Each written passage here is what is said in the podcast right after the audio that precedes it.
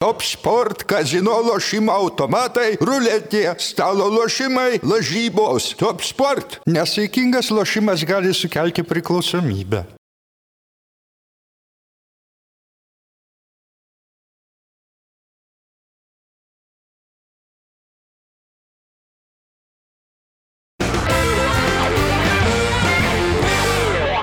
Sveiki, futbolo gerbėjai, su jumis laida Įvartis, Žydrūnas Gruzinskas, Taudulas Lencevičius ir Edvinas Kitkauskas, kaip visą laiką kartu su jumis.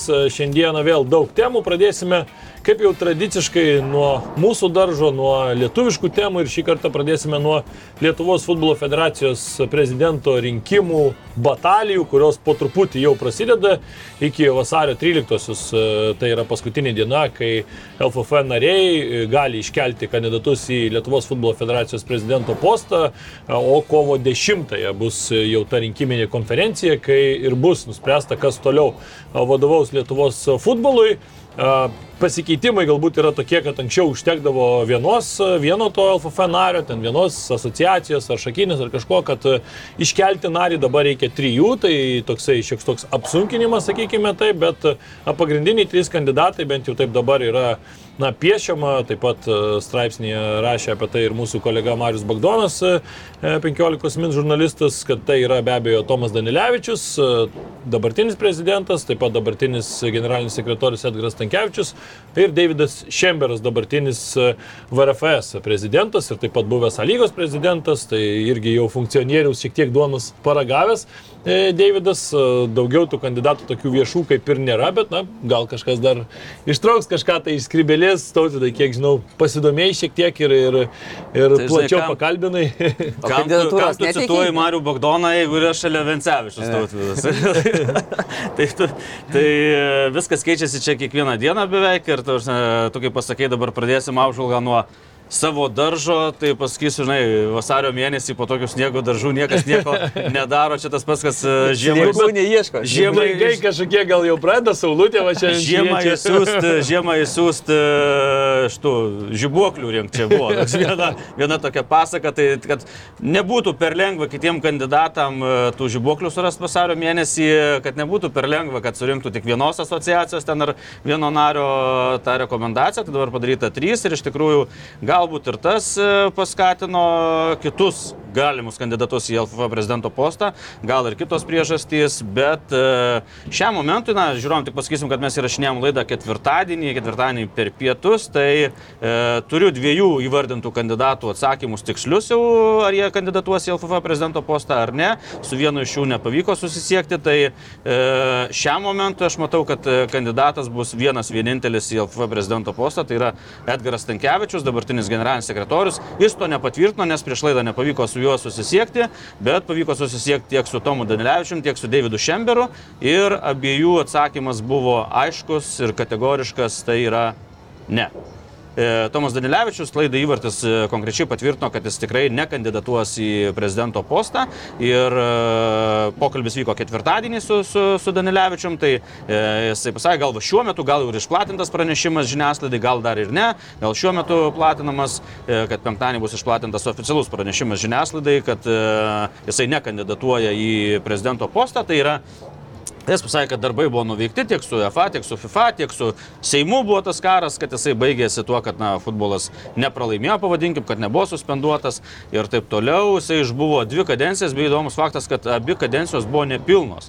E, Danilevičius kadencijos, tai pirma kadencija, žinau, kad ten buvo nuimtas Edvinas Seimontas, tada Danilevičius atėjo nepilnai kadencija 2,5 metų, antrą kadenciją irgi gavosi nepilna 2,5 metų, tai bendroji sumoja 5 metai, bet ne vienos pilnos kadencijos. Ir e, tik paklausiau jo dar, ar jisai liks prie futbolo, ar, ar futbolė, ar taip toliau, tai jisai sakė, kad e, tikisi ir nori, kad lik prie futbolo, bet ko gero tai bus ne Lietuvoje, sako, ne, ne, nesakau, kad ir Lietuvoje, kad ne, Lietuvai nesakau, bet, bet e, tikriausia, kad ir užsienyje, kas nors žinom, kad jisai ten su UEFA buvo, buvo geri santykiai ir taip toliau, tai vat, kol, konkrečiai neįvarno tolesnės savo veiklos, bet kad nekandidatuos, tai tikrai. E, su Davidu Šemberu e, irgi kalbėjau, tai, na, Davidas nebūtų Davidas, žinai, aikštėje pažiūrėk, nu, ką jis labai greitas buvo. Na, normaliai greitas, viskas, ką jis labai ten nu, buvo toks, nu, galingas. Nu, ne, vis, visur. Numatydavo viską į priekį, pasižiūrėdavo, nu, išdurdavo varžovus, kaip sakant, savo protų. Gudrus, gudrus lapinas. Gudrus lapinas. Tai jisai Tai jisai konkrečiai sako, jau žinau dėl ko skambinės.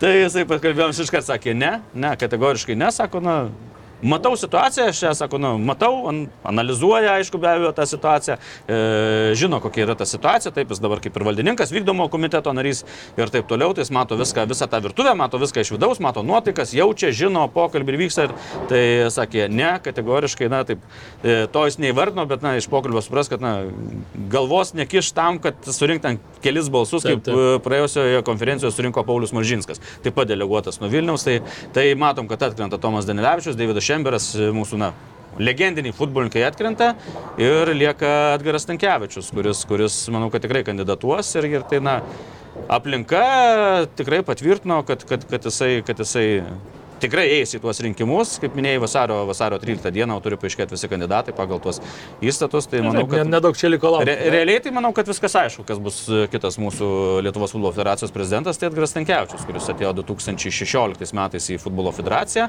buvo generalinio, buvo man atrodo pradžioje rinkodaros ir komunikacijos departamento vadovas, Taip. po to generalinio sekretoriaus pavaduotojas nuo 2018 metų spalį, lygtai spalį, lapkritį plus minus išrinktas generaliniu sekretoriumi ir dabar... Kyla karjeros laiptis ir. Kyla karjeros laiptis, tai va, ir, ir dar kokios, kokie bus pasikeitimai, tai pasižiūrėjau ir dėl įstatų, ir dėl visko, tai, na, prezidento galios buvo labai sumažintos. E, tada, kai Edvinas Eimontas neteko posto Taip. ir kai pamatė ten vykdomo komiteto nariai, nariai įtakingiausi, kad, na, prezidentui per daug galių, vienas meniškas e, valdymo organas toks, na, per daug galių turintis, tada tos e, galios buvo sumažintos iki to, kad toks, toks tapai emblema, kad tau atstovautų FIFA, FIFA, e, su valdžios institucijom Lietuvoje bendrautų, toks, na, atstovaujamasis organas daugiau.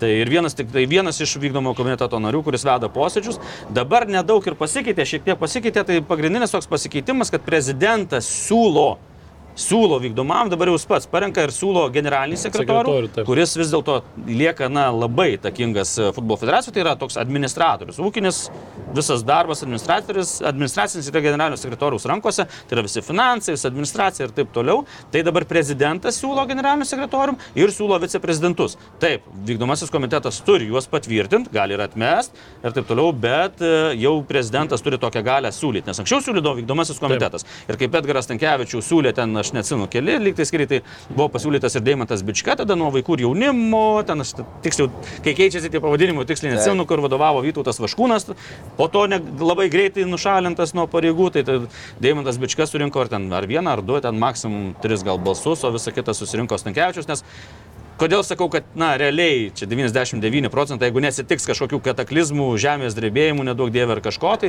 Edgaras Tankievičius bus prezidentas, nes rinkimai la, niekada nelaimimi per rinkimus.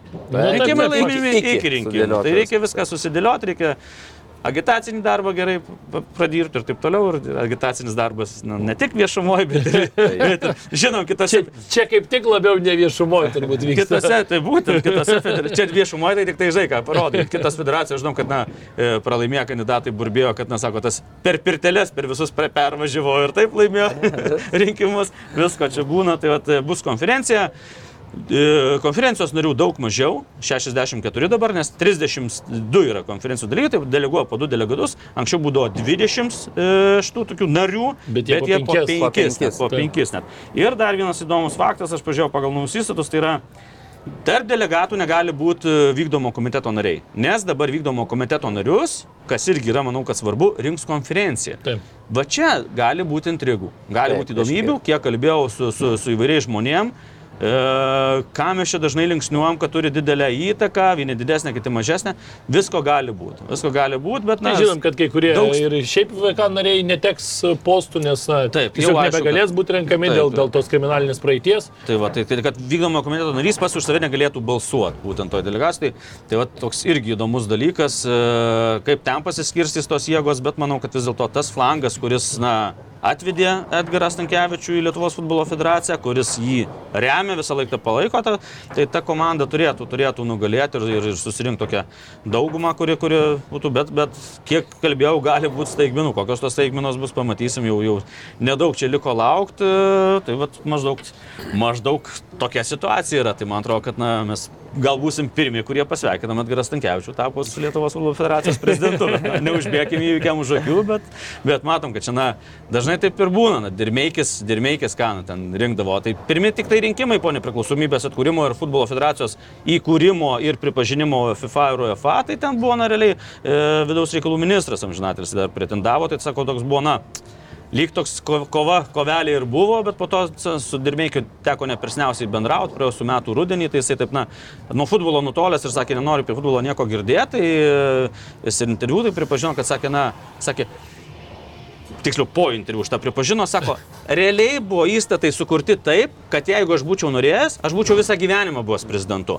Nes, nu, sako, aš pats juos ir kūriau, tai ką man juos ir keis, sako, tai viskas buvo sudėliota taip, taip, sako, po to įtraukėm apskritis, nes tais laikais čia jaunimui tai bus labai įdomu išgirsti, nes, na, kaip vyko komunikacija tais laikais dabar neįsivaizduojama. Sako, įtraukėm iš apskričių atstovus, dėl to, kad sako, žinai, ten interneto tai nebuvo, sako, tai ten faksą siunti, tai negauna dar kažką, sako, tai vad, kad jie būtų tokie mūsų atstovai, kad nusinti faktą, faksą, faksas tai čia toks būdavo tu vieną lapą įkiši šitoj pusėje, ten parašyta ranka. Ir kitur gauni. pusėje, kokiuose telšiuose ir mažiekiuose tą Išlenda, lapą išlenda. toks Nu, pats, tik jo. tai ne, ne tas pats lapas atkeliauja, jį tik tai atprinti. Atprintina tokį patį, kas buvo parašyta. Tai va, sako, kad jie turėtų tą informaciją, tai sako, buvo apskričių ir taip toliau. Po to stankus prie tų įstatų labai daug prisidėjo. Čia mūsų legendinis tas įstankus, kuris, na, irgi viename interviu prieš, na, prieš keletą mėnesių, prieš pusę metų, taip gyrėsi, žinai, aš visus prezidentus, sakė, pergyvenau. Tai va dabar Stankievičius bus pirmasis prezidentas, e, kur jau ne iš Stankaus komandos,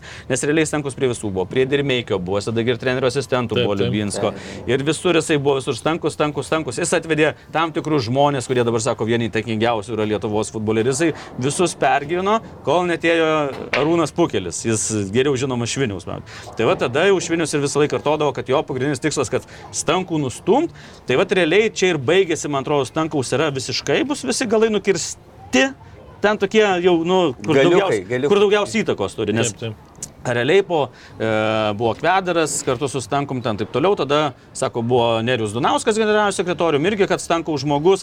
Ir tada, kai nuėmė Edviną Eimontą, kur tas pats Stankus buvo ir iniciatorius, toks didžiausias, kad nuimtų Edviną Eimontą, ten aišku irgi visokių dalykų buvo, ten Vieni sako, kad reikėjo baudžiamąją bylą kelt, kiti išmokėjo jam 82-83 tūkstančius eurų išeitinę, ten, na, čia Lietuvos futbolas, čia jau nesigilinkim. tai ir tada Danilevičius irgi išeina giminaitis su, ne kraujo giminystės ryšys, bet ten aš dabar tiksliai nesimenu, kažkaip su Donausku išeina ten. Kažkuris su kažkurio sesė žinotas. Taip. Kažkuris, Kažkuris, kažkurio. na, kad nesumeluočiau. Tai va ir sakydavo, kad Danilevičius irgi, va čia, tipo, dar va, vis stankaus žmogus per Dunauską. Tai tada aš, e, kai jau atėjo Edgaras Tankievičius, tai sako, tai dabar, va, tipo, tau gerai bus Danilevičius, nes tu nusikratysi tos, va, stankaus etiketės, šleifo, ir sako, dirbam toliau kartu, atmatom tas darbas kartu, realiai dabar jau baigėsi, nes, nes e, Edgaras Tankievičius perims jau prezidento rolę. Na, sakau, čia niekas nepatvirtinta, tą, bet jau kiek va, pavyko surinkti informacijos, tai e, jeigu kas nors prisikabinėti iš federacijos, tai tada e, pasakau, kad prieš kiekvieną sakinį galimai, galbūt, ne va, o bet tačiau, bet na, realiai tokia situacija klostosi, kad, kad, kad viskas taip ir bus. Daugiau jau- rimtesnių kandidatų ir nebus. Jeigu Davidas ar Tomas ne, tai iš esmės... Nelabai ir kas lieka, kas, Taip. kas galėtų surinkti net ir iš trijų tų narių, sakykime taip, kas toks vienas galėtų gauti tuos e, vien tik tai, jau, kad, kad galėtų dalyvauti. Nu, Aurelijus Bandyt. galbūt Nu, galėtų kas, o bandyti, kas bet... šį pasirašytų? Ne. Na tai Utena kokia. Nu, ir... Ir Vilnius gal dėl to, kad tiesiog, A, nu, vat, nu, nu, jau du- du kažkas gali Kitko ar nebūtų. Nu ir dar galėtum surasti kažką vieną, turbūt. Gal. Matai, e, vat mums taip atrodo, kad gali lengvai surasti. O iš tikrųjų, pavyzdžiui, Arminas Narbekovas, mūsų olimpinis čempionas, irgi buvo minčių galbūt kandidatuoti į prezidentus. Žinom, kad jisai vieną kartą nešė į federaciją, dar kuri buvo šeiminiškių gatvėje. Bet fakso negavo, ne? Paskutinę dieną, ten, jeigu neklystu, apie 16.30 ar 16 val. ir nors turėjo dirbti iki 17 val. rado užrakintas duris ir sako, pavėlavote atnešti dokumentus, viskas nebepriimam, nebedirba federacija. Tai va irgi, tai tada buvo, na, tikrai patvirtino ir man ten e, bent du šaltiniai tikrai, kad buvo, buvo duotas nurodymas, kad nebandykit jam pasirašyti. Nebandykit, kad jo kelt jo kandidatūros, prasme, nes, nes tokie žmonės ateidami jau tu, yra šiokia tokia baimė, nes vis dėlto olimpinis čempionas, žinom, treneris, toliau, žinomas, visuomeniai žinomas ir tikrai žmogus, kuris gyvena futbolu.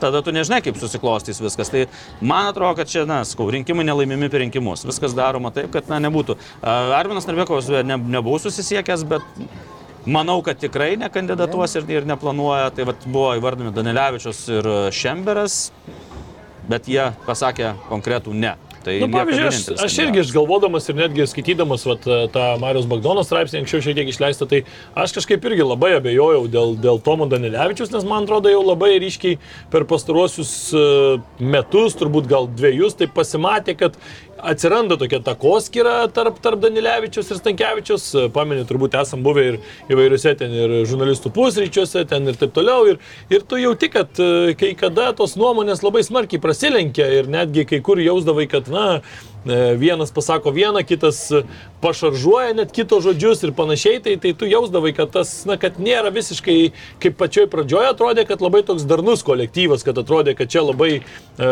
na, tokie žmonės, kur eina vieno tikslo link ir panašiai, o paskui kažkaip man ta atskirtis pradėjo jaustis, o žinant e, ir patį Tomą Danilevičių, ir tą patį turbūt Davidą Šemberaną, tai akivaizdu, kad jeigu tu jau matai viduj būdamas, kad neįmanoma tų rinkimų laimėti, kad akivaizdžiai yra persvara, kad akivaizdus yra ženklai, kad na, tiesiog jau vienas kandidatas turės didžiulę persvarą, tai Nėra ko ką ten ten lysti, na, ko, jo. ko tu ten eisi, e, vaizduosi kažką ten, eisi, dalyvausi ten tam šou visam, atsimenam, koks šou buvo praeitą kartą filmuojamas, tai kažkas tai baisaus, geriau, geriau būtų ne, nefilmavę, nes E, tas... Taip ar ne?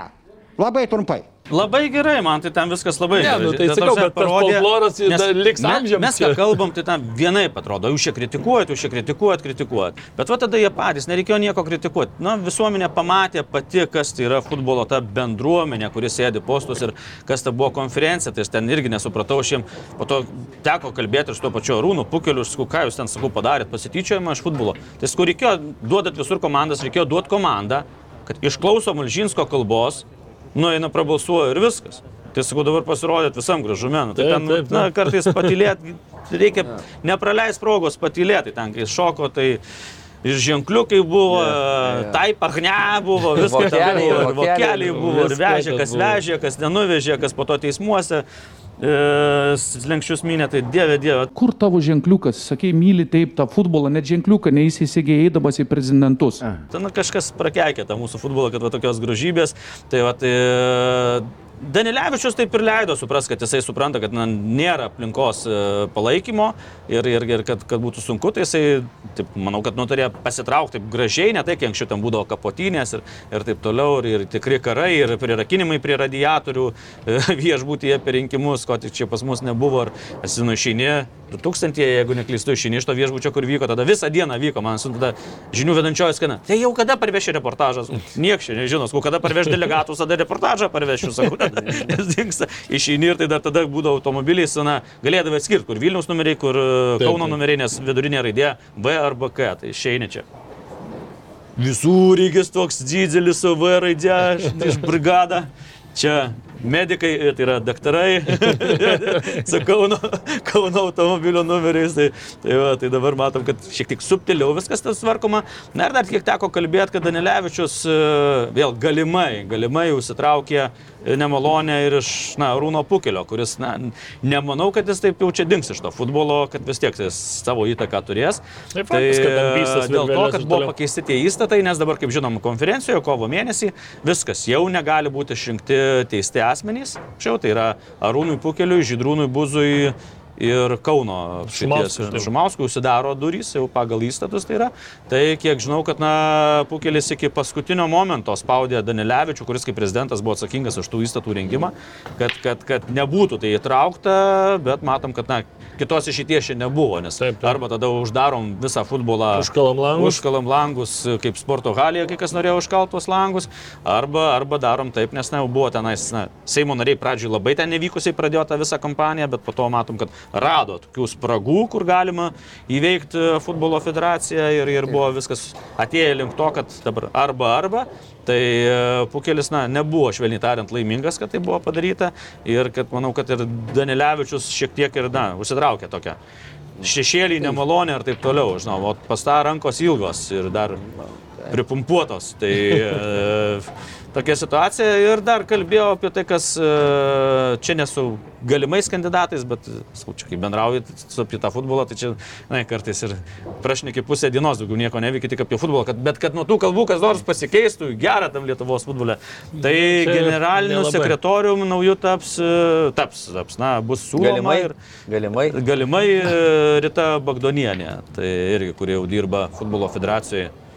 Na, ganėtinai seniai. Daug, daug. Ir, irgi, 17, sakykime, taip 18 žmogus, metai. kuris po truputį augina savo įtaką vis taip. po Taip, jinai truputį, po atėjo, jeigu neklystu, ar pačioj, pra- ar nuo pat pradžių, ar, ar, ar kitos pareigos buvo taip, pardavimų vadovė, pardavimų skyrius vadovė, po to, po to kilo kaip ir pavaduotojo liktis generalinio sekretoriaus Ja, buvo. tokio. Ir, ir, ir tai dabar ir stadiono vadovė, ten pareigų nemažai pasė. Tai vad, kad jinai, tai ten ir vat, irgi ten federacijoje, kaip e, ateina naujokas kažkas nors, tai anksčiau būdavo ten, e, kai skilo tas, viena pusė buvo Edvino Eimonto, kita pusė e, Stankaus Dunausko, tai irgi labai buvo toks susipriešinimas, po to koks naujokas ateina, tai, tai tu kieno žmogus, iškart, kieno tu žmogus, tai maždaug, ar Pukelio ir Stankievičiaus, ar čia Dunausko ir Danilevičiaus, tai va toks būdavo, tai savo ir ta Bagdonienė būtent, kad e, Pukelio buvo atvesta į futbolo federaciją, tai, tai matom, kad ta ta šaka, frakcija, partija, ar kaip ją pavadinsi, ar, tai jinai, jinai jau ima viršų. Giminės medis. O ir Stankaus liks tik tai ta knygelė 84 ir 6 metų, kur kaip žaisti futbolą. Biomechaninio judesio. Jo, jo, jo, jo. Šie kamuolys, jei pataikai į tą vietą, jis tada gali užsisukti. Ir, nu, nu buvo net parodytas krymo kryptis. Ne, bet kaip bebūtų, kai yra tokie dideli pinigai, nori, nenori, ta kažkokia vidinė priešprieša yra, tos stovyklos susidaro natūraliai. Ir dabar, va, jums bekalbant, taip galvoju, na, tikrai yra milžiniškas skirtumas, kada tau reikia uždirbti pinigus ir juos išleisti. Ir kai tu gauni tos pinigus ir tu juos skirsti.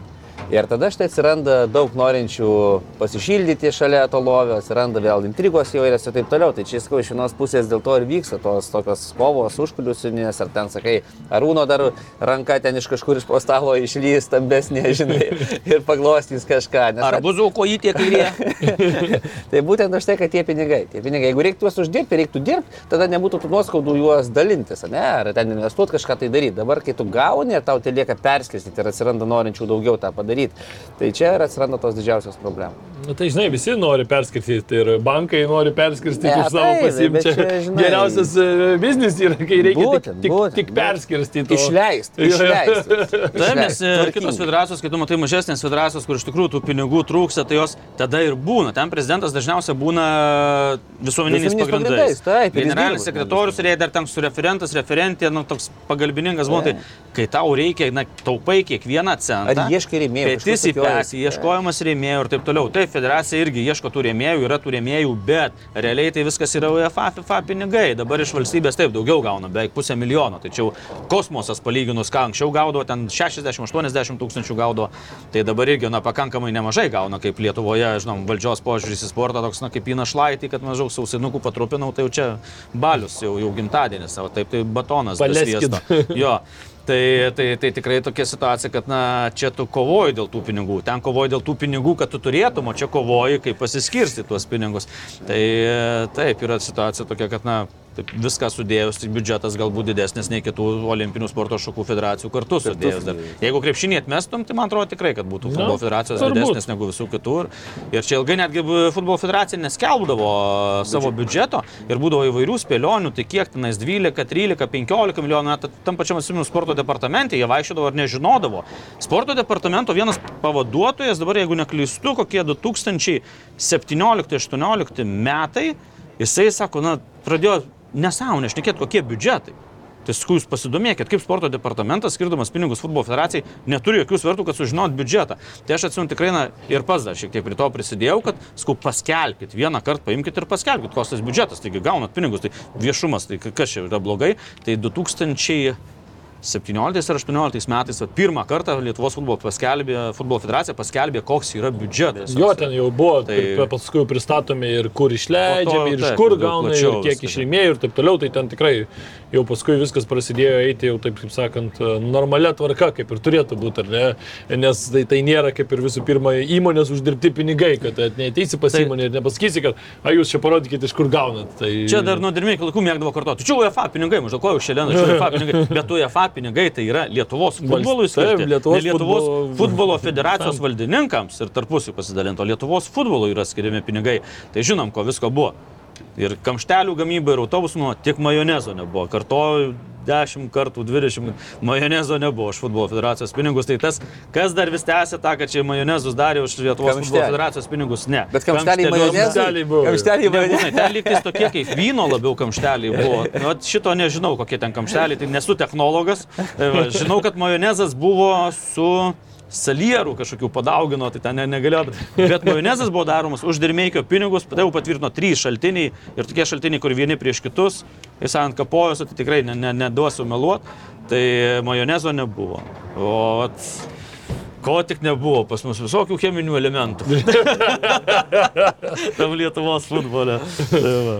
Nu, Tai va, tai tai turbūt situacija, tai va, dar kartą Turbūt ką. tiek, o paskui matysim, kitą savaitę jau paaiškės tikrai tie kandidatai ir čia pagal, čia iš esmės, jeigu liks tik vienas kandidatas, nu, tai bus pagal uh, FIFA geriausias praktikas, ar ne, kaip ir Džanis Infantino dabar Kaip buvo. ir. UEFA Aleksandras Taip, Šeferinas. taip, nu, tai, jeigu gerai dirbi, tai kaip tavęs neperėgs. Tai aišku, daug. Mato, nu, visur tas pats, na, pamato, kokia yra situacija, nu, kas iš galva ir kas eis juokint žmonių, kai visi pamatė dabar tą patį Paulių Malžinską, nu, kaip į ten ėdė, prisiminė ir, ir vokelius degalinėse, kaip kas vežė ir taip toliau. Ir, na, tai niekas, niekas nenori eiti, kad ten tave Juodintų, ant taip, galvos, taip. ap, ap, kaip sakant, apvarytų to, kur nekvepia.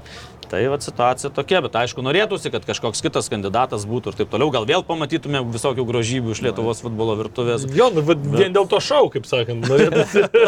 tai gal reikia pabandyti kažką įkalbėti, kad šį, šį kartą kart nemanau. Kad, manau, kad e, tavo minėtas karbalius, tai abejoju. Tai ten irgi. Na, aš irgi kažkaip manau, man atrodo, Jis kad turi savo veiklą. Savo veiklų tai, turi per skaudu, atrodo. kai Taip, mato taip. iš toliau, kas čia vyksta, tą puikiai žino vidinę virtuvę. Nu, kam, kam neskaudu, čia, čia daugam turbūt. Top sport, kazino lošimo automatai, ruletė, stalo lošimai, lažybos. Top sport. Nesaikingas lošimas gali sukelti priklausomybę.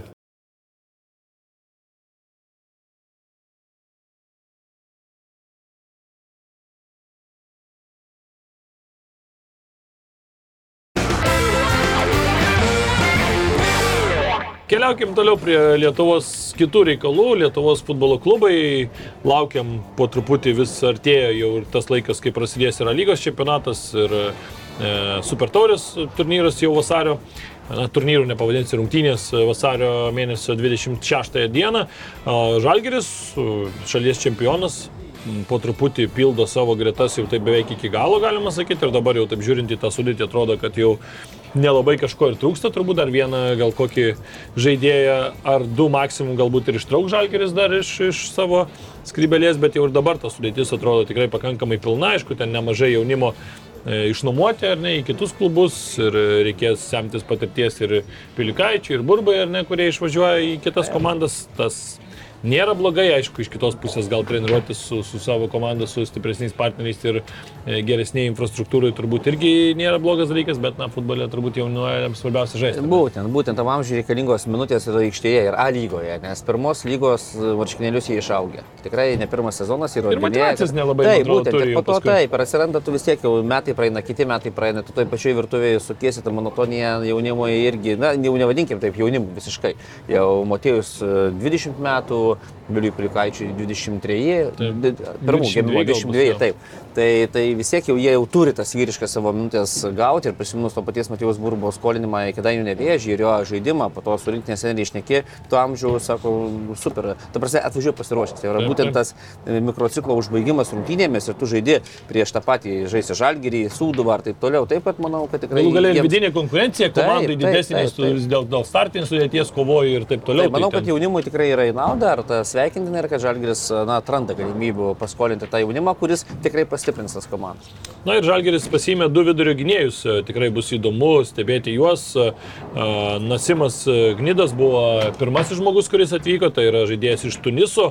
Šiek tiek pasi, pasižiūrėjau daugiau jo tą visą dosiją, tai AEKas e, 2020 metais graikų klubas, e, Tuniso klubų, iš kurio atvyko šis žaidėjas, mokėjo išpirką, kuri, kurios suma buvo 600 tūkstančių eurų.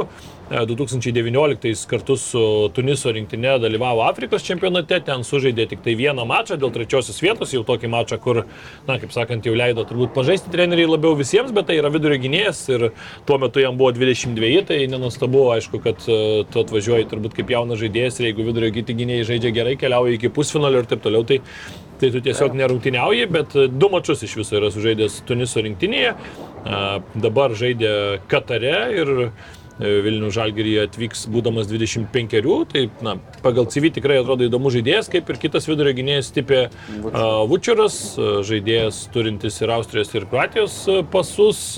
Na tikrai parungtiniavęs pakankamai pajėgiose lygose, pajėgiose klubuose. E, praėjusią sezoną praleido Bukarešto FCSB klube, tai tikrai sakyčiau, kad tokie pastiprinimai atrodo, atrodo įdomus, žaidėjus dar aišku reikės pamatyti, dar jie dabar žalgiris stovyklauja Turkijoje, tai mes jų kaip ir nematome, rungtynių, rungtynių čia Lietuvoje nėra, rezultatus galime tik tai sekti, ar ne? E, tai įrašai yra, galima pasižiūrėti. Na, galima, bet vis tiek tie įrašai tokie viena tai, kamera, kokybė, tokia taip, pakankamai taip, taip, sudėtinga ten žiūrėti ir, ir sunku dar, aišku, draugiškis rungtynėse kažką taip labai stipriai ir nuspręsti, nežinai, kas kokiam cikliai yra, kas kokioje stadijoje ir taip toliau.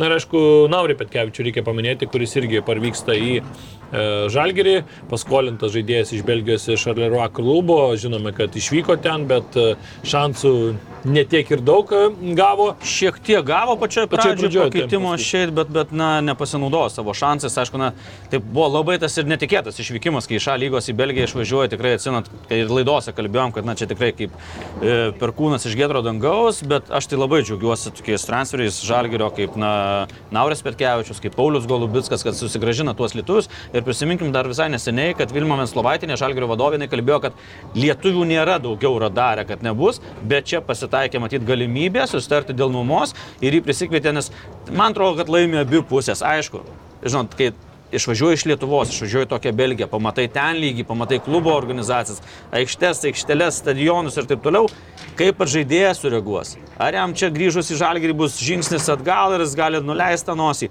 ar jam kaip tik vėl norėsis įrodyti, kad jisai gali žaisti, kad vėl gali atsistoti ant kojų. Tai vad jeigu jisai nenuleis tos nosies ir kovos aikštėje, treniruotės ir taip toliau, tai laimės iš to buvo ir klubas, kuris turės lietuvį, ir, ir sirgaliai netgi laimės, kurie irgi labiau nori, kad lietuvių kuo daugiau aikštėje būtų, ne taip kaip per grupių turnyrą, kai sakydavo, visi pirštais durstydavo, kad tik tai Gertmanas vienintelis lietuvis aikštėje.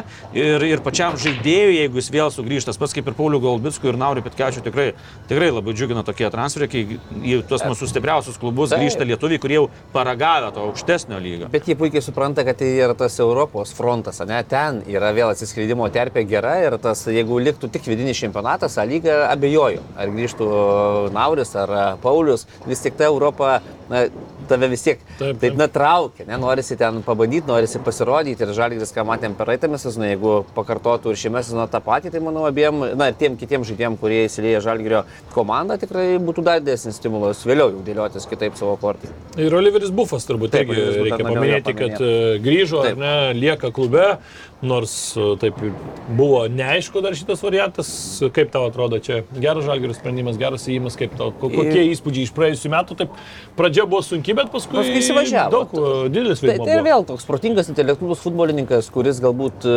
žvelgiant iš mūsų A lygos futbolo mastelių, na, mažutis, smulkutis, techniškas, mes kaip pratę matyti monstrus labiau kapojančius, besidaužančius. Tačiau čia yra, kai sakau, žaidėjai žaidžiantys smegenimis, tai įrodė būtent tokiuose rungtynėse, kur Europoje. Į, į įsko panašus. Taip, taip, toks, ta, turi tą savo. Kitas dalykas vėl reikia žiūrėti, kokią kainą, ne? nes klubo neturėjo, ten viskas tas transferių langas bėga į pabaigą, puikiai žinome, kad rinkoje tada kiti svertai įsijungia, na ir vėlgi, jisai žino, kur važiuoja, ten finansinių dalykų nežinome kaip kas, bet faktas, jeigu liko, puikiai žinodamas visą virtuvę, aplinką, didelė dauguma žaidėjų vėl liko, ką aš nekėjau ankstesnėse laidose. Taip, taip, kad manau, jam čia tas grįžimas toks, kaip, kad ir buvo.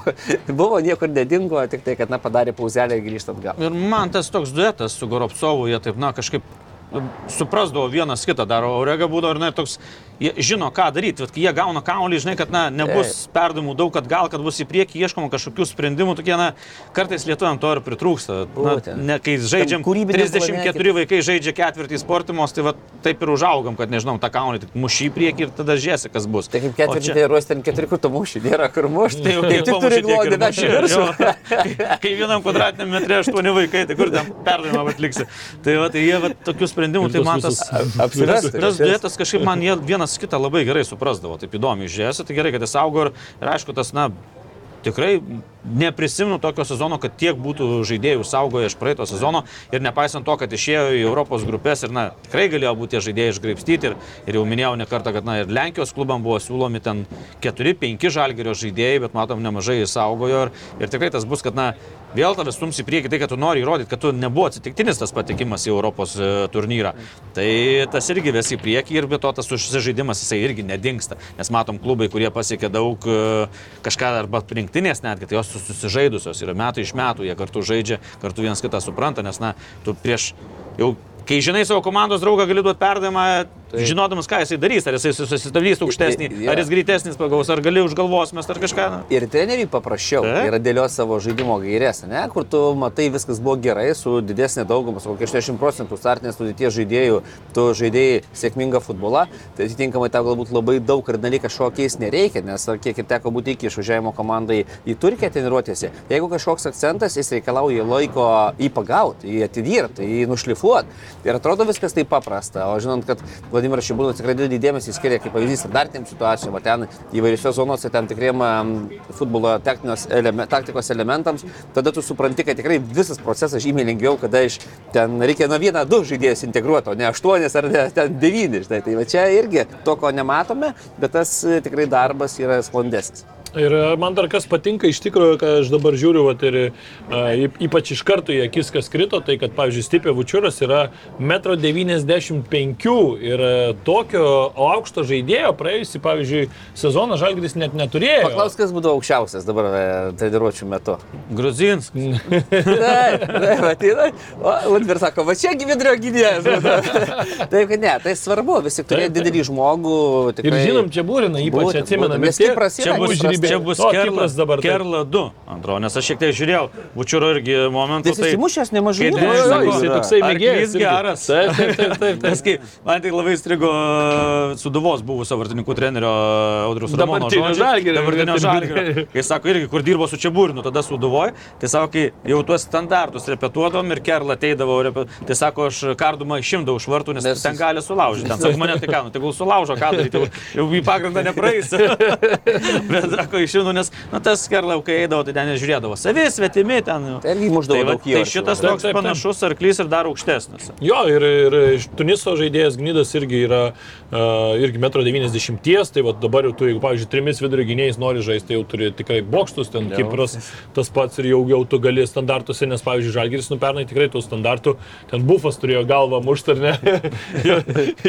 tai va, pamatom, kad tikrai trūko ir, ir aš kažkaip... Jau galėtų ir 3 prieš 3 krepšinį pasikapoti. jo, neblogai, 3 prieš 3 jo, ten 3 prieš 3 labai aukštų nėra, žinai, tokie biškeli universalesni geriau eina, tai jo, čia faktas ir tai va tas, tas dalykas man patinka. Ir šiaip žiūrint į Žalgirio sudėtį, tai jau pernai mes atrodo kalbėjom, kad Žalgirio sudėtis ar ne yra tokia labai labai ilga ir ypač lygai, faktas, kad tai, tai daug lėmė ir tai, kad paskui ir labai gerai Žalgiris tvarkėsi, skirtingai nuo pavyzdžiui prieš tai, prieš sezoną mes atsimenam ar ne, kai Flora pateko į, į grupės ar ne ir prarado. titulą e, vietinėme Estijos čempionate, nes e, ten irgi buvo būtent, kiek pamenu, e, teko šiek tiek domėtis, tai kad jie ir rašė, kad na, ir, ir treneris dažnai akcentuodavo, kad mes neturėjom, nebuvom pasiruošę Taip, nu. išlaikyti tokio intensyvumo ilgam sezonė, kad neturėjom tiek žaidėjų ir panašiai. Tai dabar Žalgiris na, realiai tu prarandi taip iš svarbių žaidėjų, tai buvo ne Manija Libisavliovičius ar ne, Renanas Oliveira ir turbūt, kad Francis Čeremi iš tokių,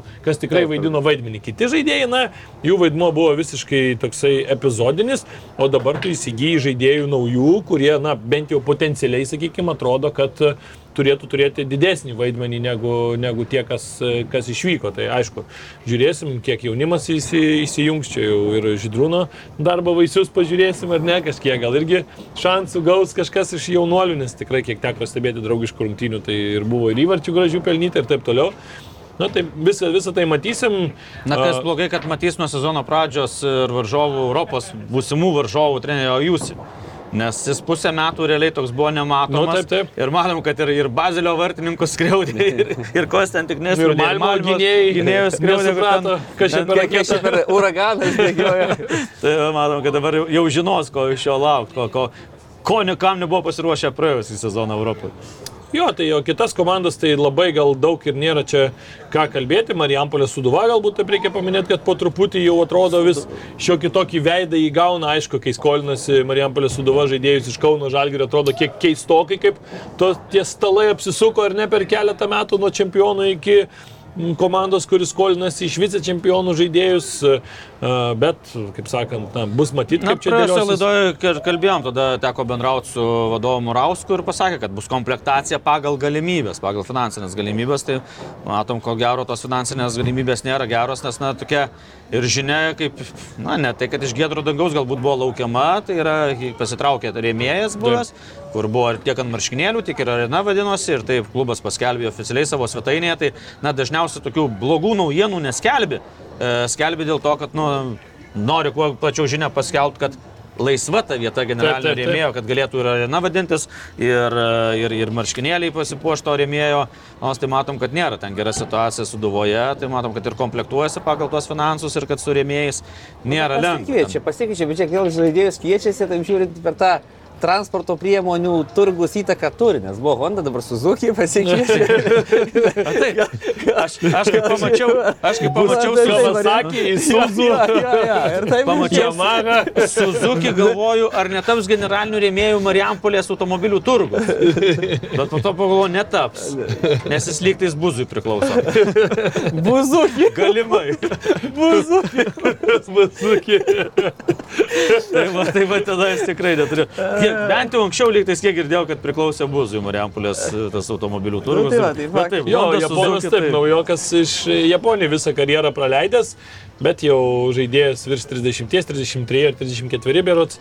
Tai, na, irgi toks, nėra labai daug aiškumo, labai daug kažko Na, pas mus Japonų, tai aš nežinau, po Brazilų. Ko gero, ar nebus antroje vietoje, na gal dar gali kuratai kokie nors lenkti, kiek pas mus legionierių.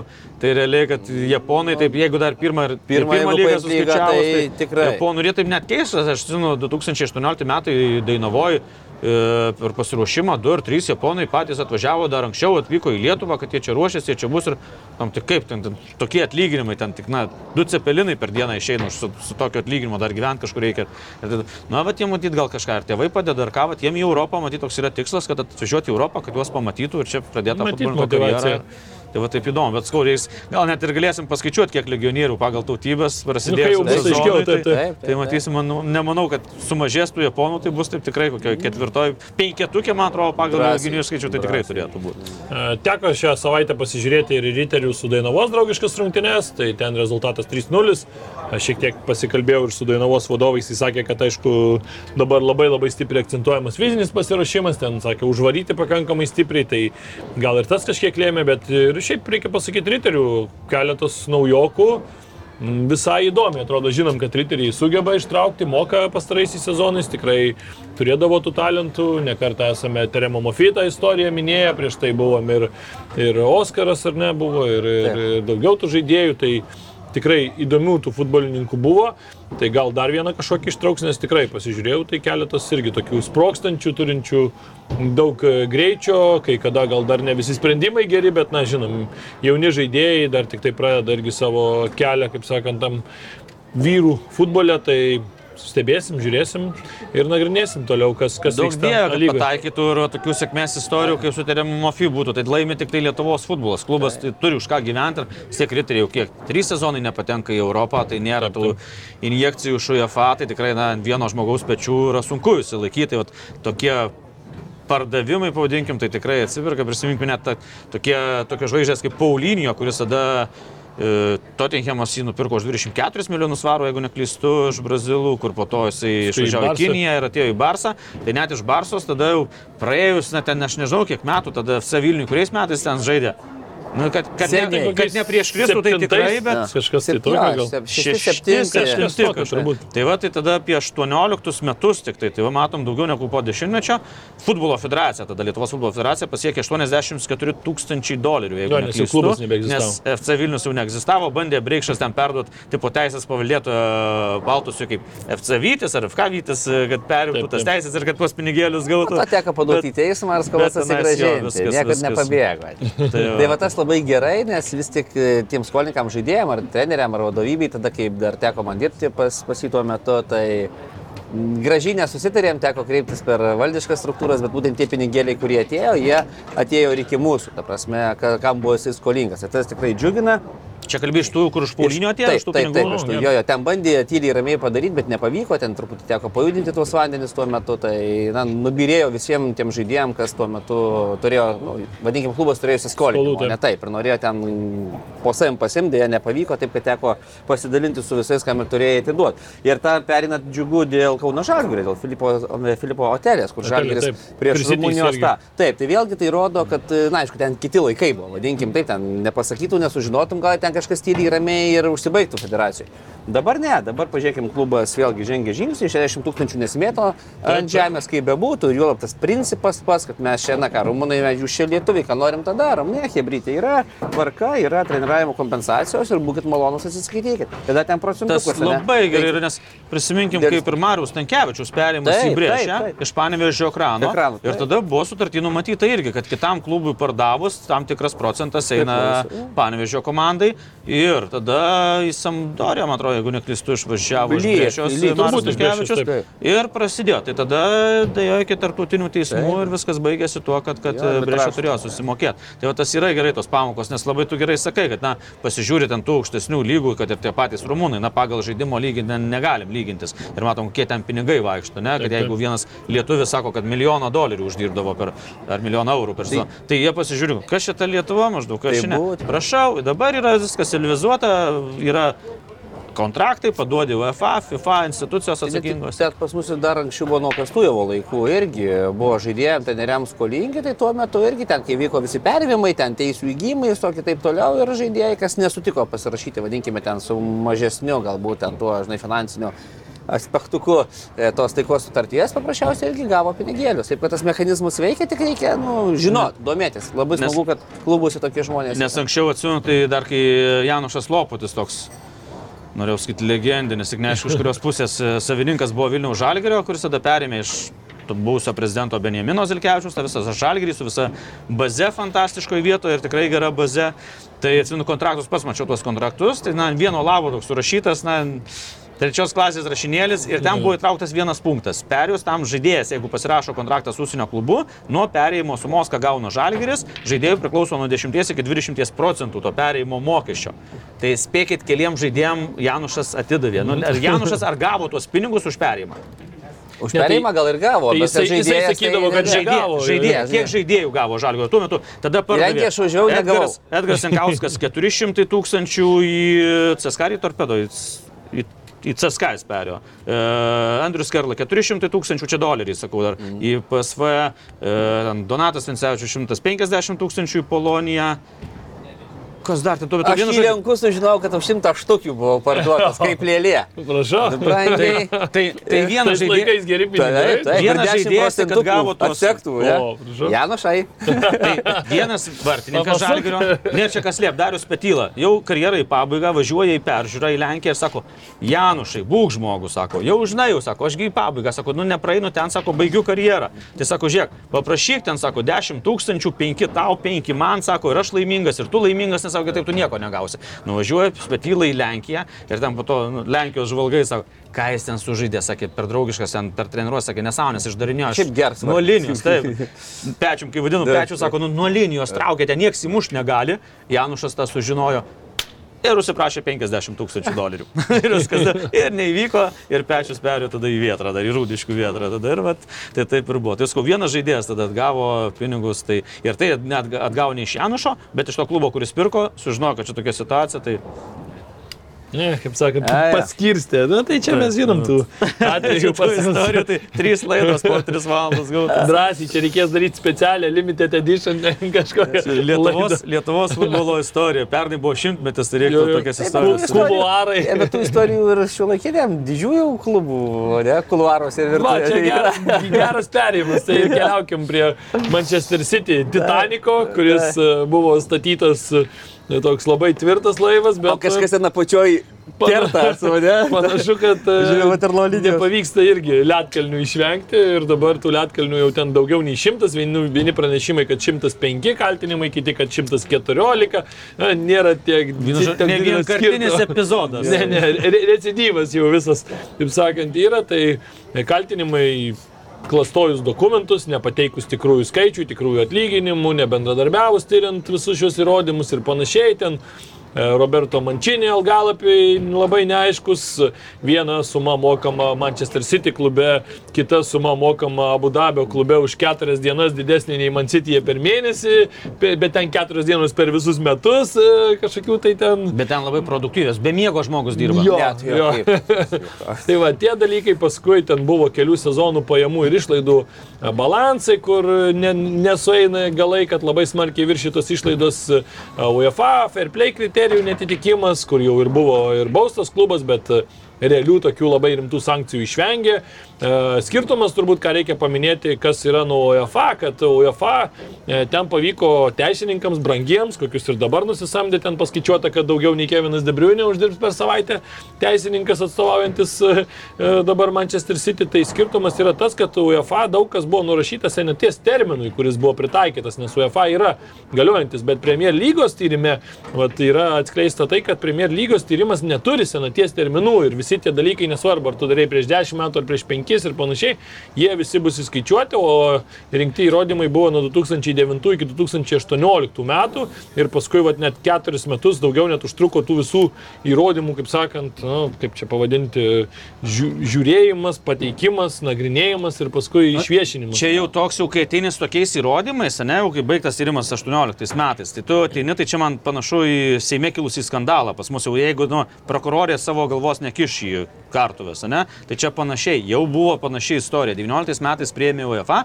pagal tas na, finansinio sažiningumo taisyklės. Taip. E, vadinamas, ir buvo tikrai griežta bausmė, dviejai metai e, nušalinimas nuo Europos turnyrų ir 30 milijonų, tai čia negriežta bausmė, 30 Nu, čia tai milijonų eurų bauda.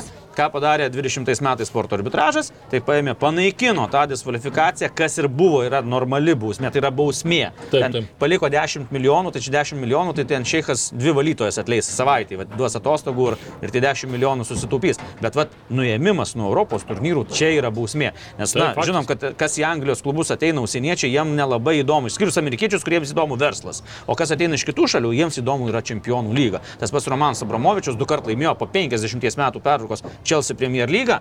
Visi fanai Chelsea džiaugiasi iš protojo, Abramovičius nebuvo patenkintas, jam reikėjo čempionų lygos. Tas pats ir Šeikham, reikia čempionų lygos, ko Manchester City nėra laimėjęs. Ir būtent tas nušalinimas nuo Europos turnyrų yra didžiulė bausmė, bet matom sporto arbitražas, ten, na, nežinau kodėl, ten tų argumentų taip ir tokių normalių nebuvo pateikta panaikino tą bausmę. Bet dabar, ką ateina, va, ką tu vardini, visi šitie įrodymai, tai tikrai manau, kad na, jau dabar tai dirbo kolektyvas taip, petys į petį, kad jau viską paduotų lėkštutės, kad Jau žinojo, žinojo, taip. paleistų. Ne. Tai čia man atrodo, kad va dabar vieną jie tą, tai vieną, vieną icebergą įveikė, kaip tas itankas, bet dabar jau toks icebergas ateina virš šimto tokių. Žinai, kiek laiko ten į vieną nuo vietą aisbergo nuiminės tą laivą, žinai, vėlgi, metai, du, penki, na, čia... Tai čia dabar vėl- daug klausimų yra, nes bausmės yra arba bauda, arba taškų atėmimas, išmetimas iš Premier Taip, lygos, jeigu čia labai priklausys, kiek tų kaltinimų pasitvirtins, aišku, bet e, kaip ir tautydas sako, čia jau jeigu ateini po tiek metų, tai faktas, kad tu esi surinkęs tą informaciją iki, iki skrupulų, kaip sakant.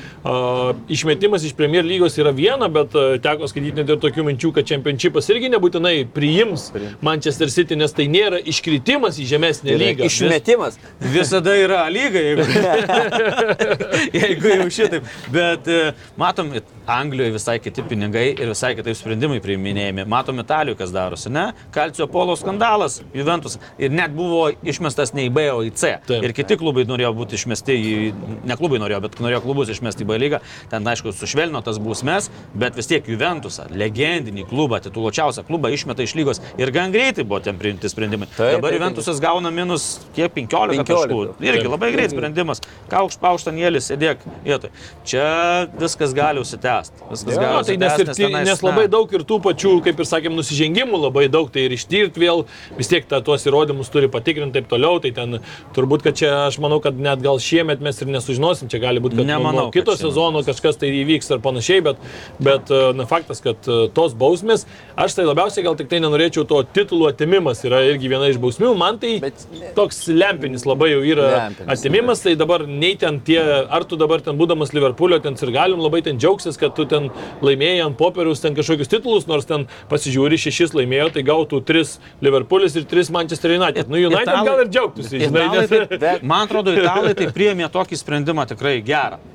Tais metais čempionų nebuvo. Jie nurašė Ir va, taip, taip. tais metais čempionų nėra. Nes iš tikrųjų sutinku su tuo taip, dėl tų pažeidimų finansinių jie galėjo sustiprinti komandą, ko kitos komandos negalėjo. Ne? Taip. Bet vis dėlto žaidžiama tai yra aikštėje. Žaidžiama su Būtent. kamuliu, o ne su pinigų maišu. Ir čia na, nubrauktą žaidėjų pasiekimą, na, nesutikčiau.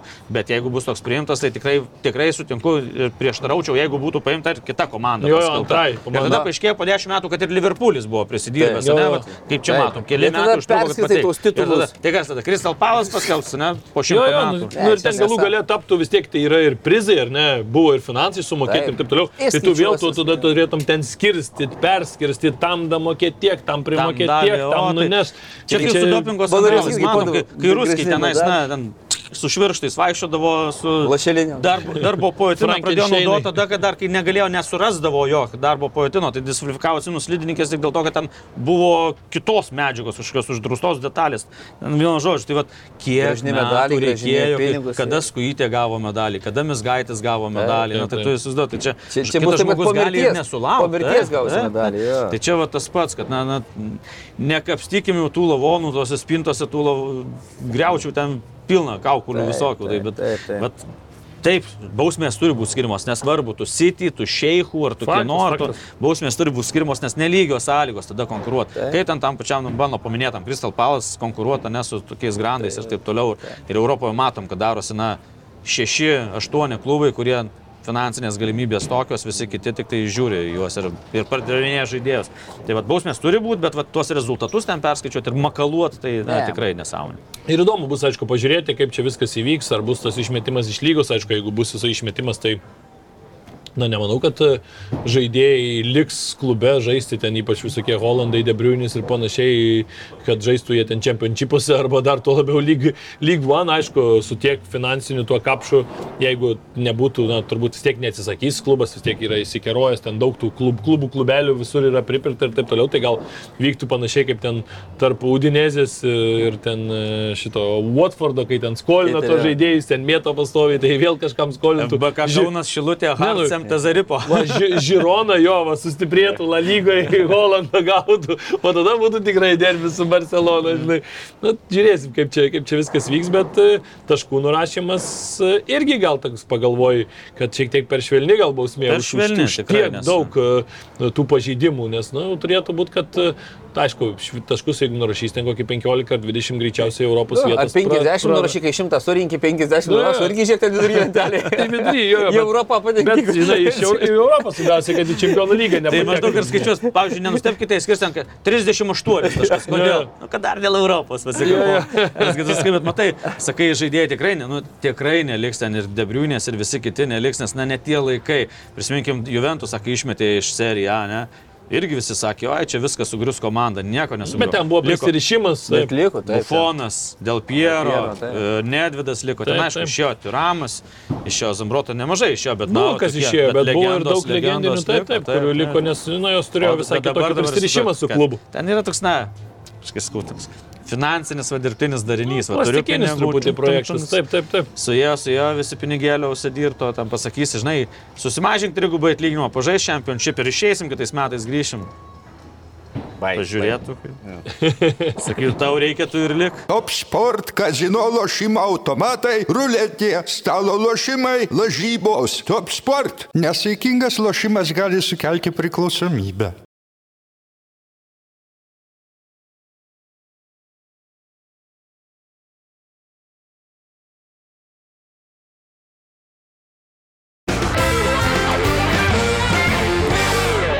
Keliaukime į tą pačią čempionų lygą, apie kurią irgi jau čia kažkiek šnekėjom.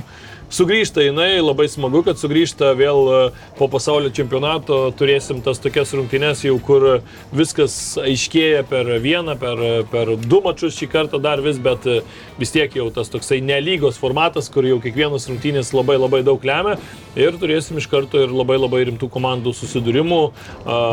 Milanas su Tottenhamu turiu minį. Nu, Milanas su Tottenhamu irgi pakankamai rimtas, bet Milanas šiek tiek pavėpęs dabar. bet gal pradėkim nuo Paryžiaus Saint Germaino ir Bayerno. Aišku, Paryžiaus Saint Germainas irgi pastaruoju metu stringa ir stringa pakankamai stipriai. Dabar buvo ir pralaimėjimas Taurėje, pralaimėjimas Marselio Olimpikui ir pasižiūrėjau šį sezoną, ne šį sezoną, o šiais metais, jau taip skaičiuokim nuo, nuo šių kalendorinių metų, devyni oficialūs mačai, penkios pergalės, trys pralaimėjimai, vienerius lygiosios. Toks yra pasažė, tokia yra statistika, bet dvi pergalės iš tų penkių yra iškovotos ten prieš žemesnio diviziono komandas Taurėje, tai labai ten jų rimtai turbūt ir negalime įskaičiuoti, bet tikrai po truputį truputį, galima sakyti, taip stringanti komanda.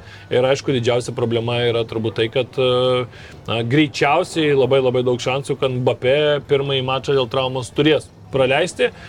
Mesi irgi toks atrodo nelabai motivuotas po pasaulio čempionato, bet galbūt Man, dabar jam bus ta nu, motivacija jau tokia tikėtis. Nesu fanas pasažai, bet nu, norisi, kad tie geriausi pasaulio futbolininkai ir demonstruotų gražiausią futbolą tada, kai ateina atrintamosios e, varžybos. Bet man pasažai Tai, na, galbūt ir su varžovu Bayernu, tai ko gero labiausiai išbalansuota komanda po pasaulio čempionato. Taip, taip. Nes žinom, kiek ten futbolininkų žaidė ir kur vaidino svarbius vaidmenis, tai jie kažkiek na, neranda savo žaidimo. Dabar nuo Marcelio, na, ten taip, principiniai varžovai, istoriniai varžovai, ten tituluočiausi taurės, e, prancūzijos taurės taip. klubai, bet, na, pralaimėti ir taip toks, na, vaizdelis, taip švelniai tariant, nelabai koks buvo.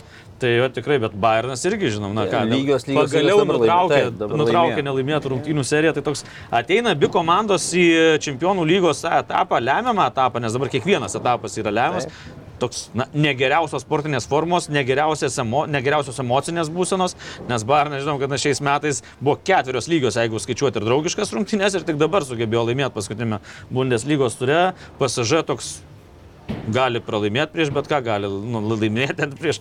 Tai va toks, na, bus labai įdomu pažiūrėti, kad, na, kurie geresnės formos ateis va, į šias rungtynes, tai tie ir laimės, nes pagal sudėtį, aišku, pasažai lenkia Bayerną šį sezoną, bet, bet, bet, bet matom, kad tas žaidimas ne visą laiką tos nepavardė žaidžia. Kad... Na jo, ir dabar vis tiek į Bayerną atvyko ir Kancelų, kuris tikrai, taip atrodo, greitai pakankamai įeina į Nagelsmano schemas ir, ir žino, ką daryti aikštėje, tikrai labai aukšto lygio žaidėjas, tai man atrodo, kad Bayernas taip net ypač žinant tą faktorių, kad Mbappé nežais, tampa netgi turbūt, kad favoritų galbūt šitos, šitos poros, ko galbūt prieš prieš, taip sakykime, kai ištraukus jau burtus nebūtumėm turbūt pasakę. Taip, ir prisiminus apskritai apie tas poras, kai buvo ištraukti burtai, kai priešnekėme daug dar laiko, praeina iki štai tų tiesioginių akistatų, jų labai tas pasaulis. Nu, čia visko daug įvyko. Taip, ir pasaulio čempionatas savo korekcijas, kaip ir tautydas minėjo tuos faktus. Iš tikrųjų, čia, na, tą patį galim kalbėti Liverpoolis Realas. Ne anksčiau ten prieš, sakytume, emočiją, o dabar matom Liverpoolį, kaip yra, kaip Realas žaidžia. Na, ten aišku, vėl galima ieškoti įvairių nesų, bet esmė ta, kad tikrai daug kas pasikeičia. Ir čia įvardinti favoritą šitą 100 procentų tokių klubų pasažai ar Barnas. Na, kad ir Barnas šį dieną galbūt ir stipresnis, tačiau galbūt pakaks tos savaitės kitos ir pasažai matysime su Mesiu vėl vėliavą nešant į priekį ir laiminčią. Kad... Ir vėl priklauso savaitgalį nacionaliniai čempionatai. Taip, kaip tu sužaisi, kokios nuotaikos dabar įsiudo Barnas. Jau išlipa, atrodo, iš tos nesėkmių. Nu, Barnui tai nesėkmė lygiosios, Vokietijoje tai yra visiškai nesėkmė ir dar trys išėlės lygiosios. Trys išėlės. Ir vėl dabar, pavyzdžiui, pralaimė, ne? Tai. Ir vėl bus. Na, kažką negerai čia darom. Kažkas ten lipa vėl... visiems kulnų Bundeslygoje, nu vėliau gal ten. Vienas taškas tik tai skiria. Tai, va, tai čia tikrai, va, na, smulkmenos lems čia nugalėtoją.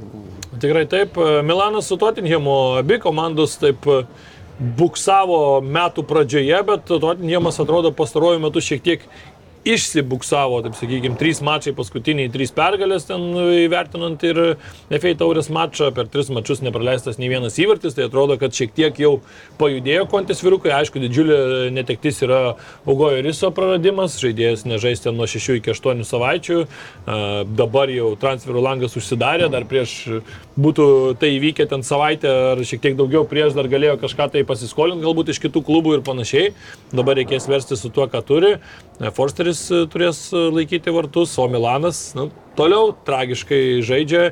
Viena pergalė nuo sausio ketvirtosios šiais metais. Tai sausio kaip laimėjo daugiau, po to Taip, nelaimėjo. Taip, metais. toliau e, paskui buvo penki pralaimėjimai, dviejos lygiosios, e, keturi pralaimėjimai išėlės dabar serijoje A, paskutinis mačas pralaimėtas Interui. Trys, seriatai trys pralaimėjimai. Super, jeigu su Super Taurės skaičiuojam, Taip, tai taip, keturi taip. jau pralaimėjimai. Taip, ir, ir jeigu visą laiką Milanas buvo antroje vietoje ir sakėm, kad na, vienintelis toks dar liekantis, na, potencialus e, varžovas, kad Napolį pasivyti, tai dabar matom, kad Nap Milano užduotis tapo ne, ne čempionų titulą apginti, o išsikovoti vietą Europos taurėse. Faktas. Šeštoje vietoje net nukrito, tai na, Milanas ką dabar žaidžia, tai ten Taip. ir matom, ir tą sudėtį keičia, bando įvairius variantus, bet ten niekas Jo, nesigauna. Kaip gauna, taip gauna jo. ten visų. Na taip, tikrai dabar favoritu šitoje porėje pakankamai ryškiu tampa Tottenhamas, bet žiūrėsim, gal, gal Milanas kažkaip tai išsivaduos iš savo tų negandų ir...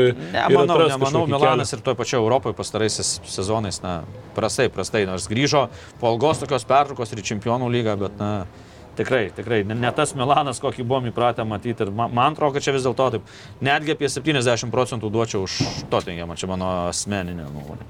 Nes Milanas, na, labai baisu. Labai labai tragiškai, tragiškai atrodo. Kita pora, man atrodo, kad tampa labai įdomi, tai yra Borusija Chelsea. Borusija penkios pergalės dabar iš eilės yra iškovotos, tikrai puikiai sugrįžo jie po tos a, žiemos ilgos labai Vokietijai pertraukos.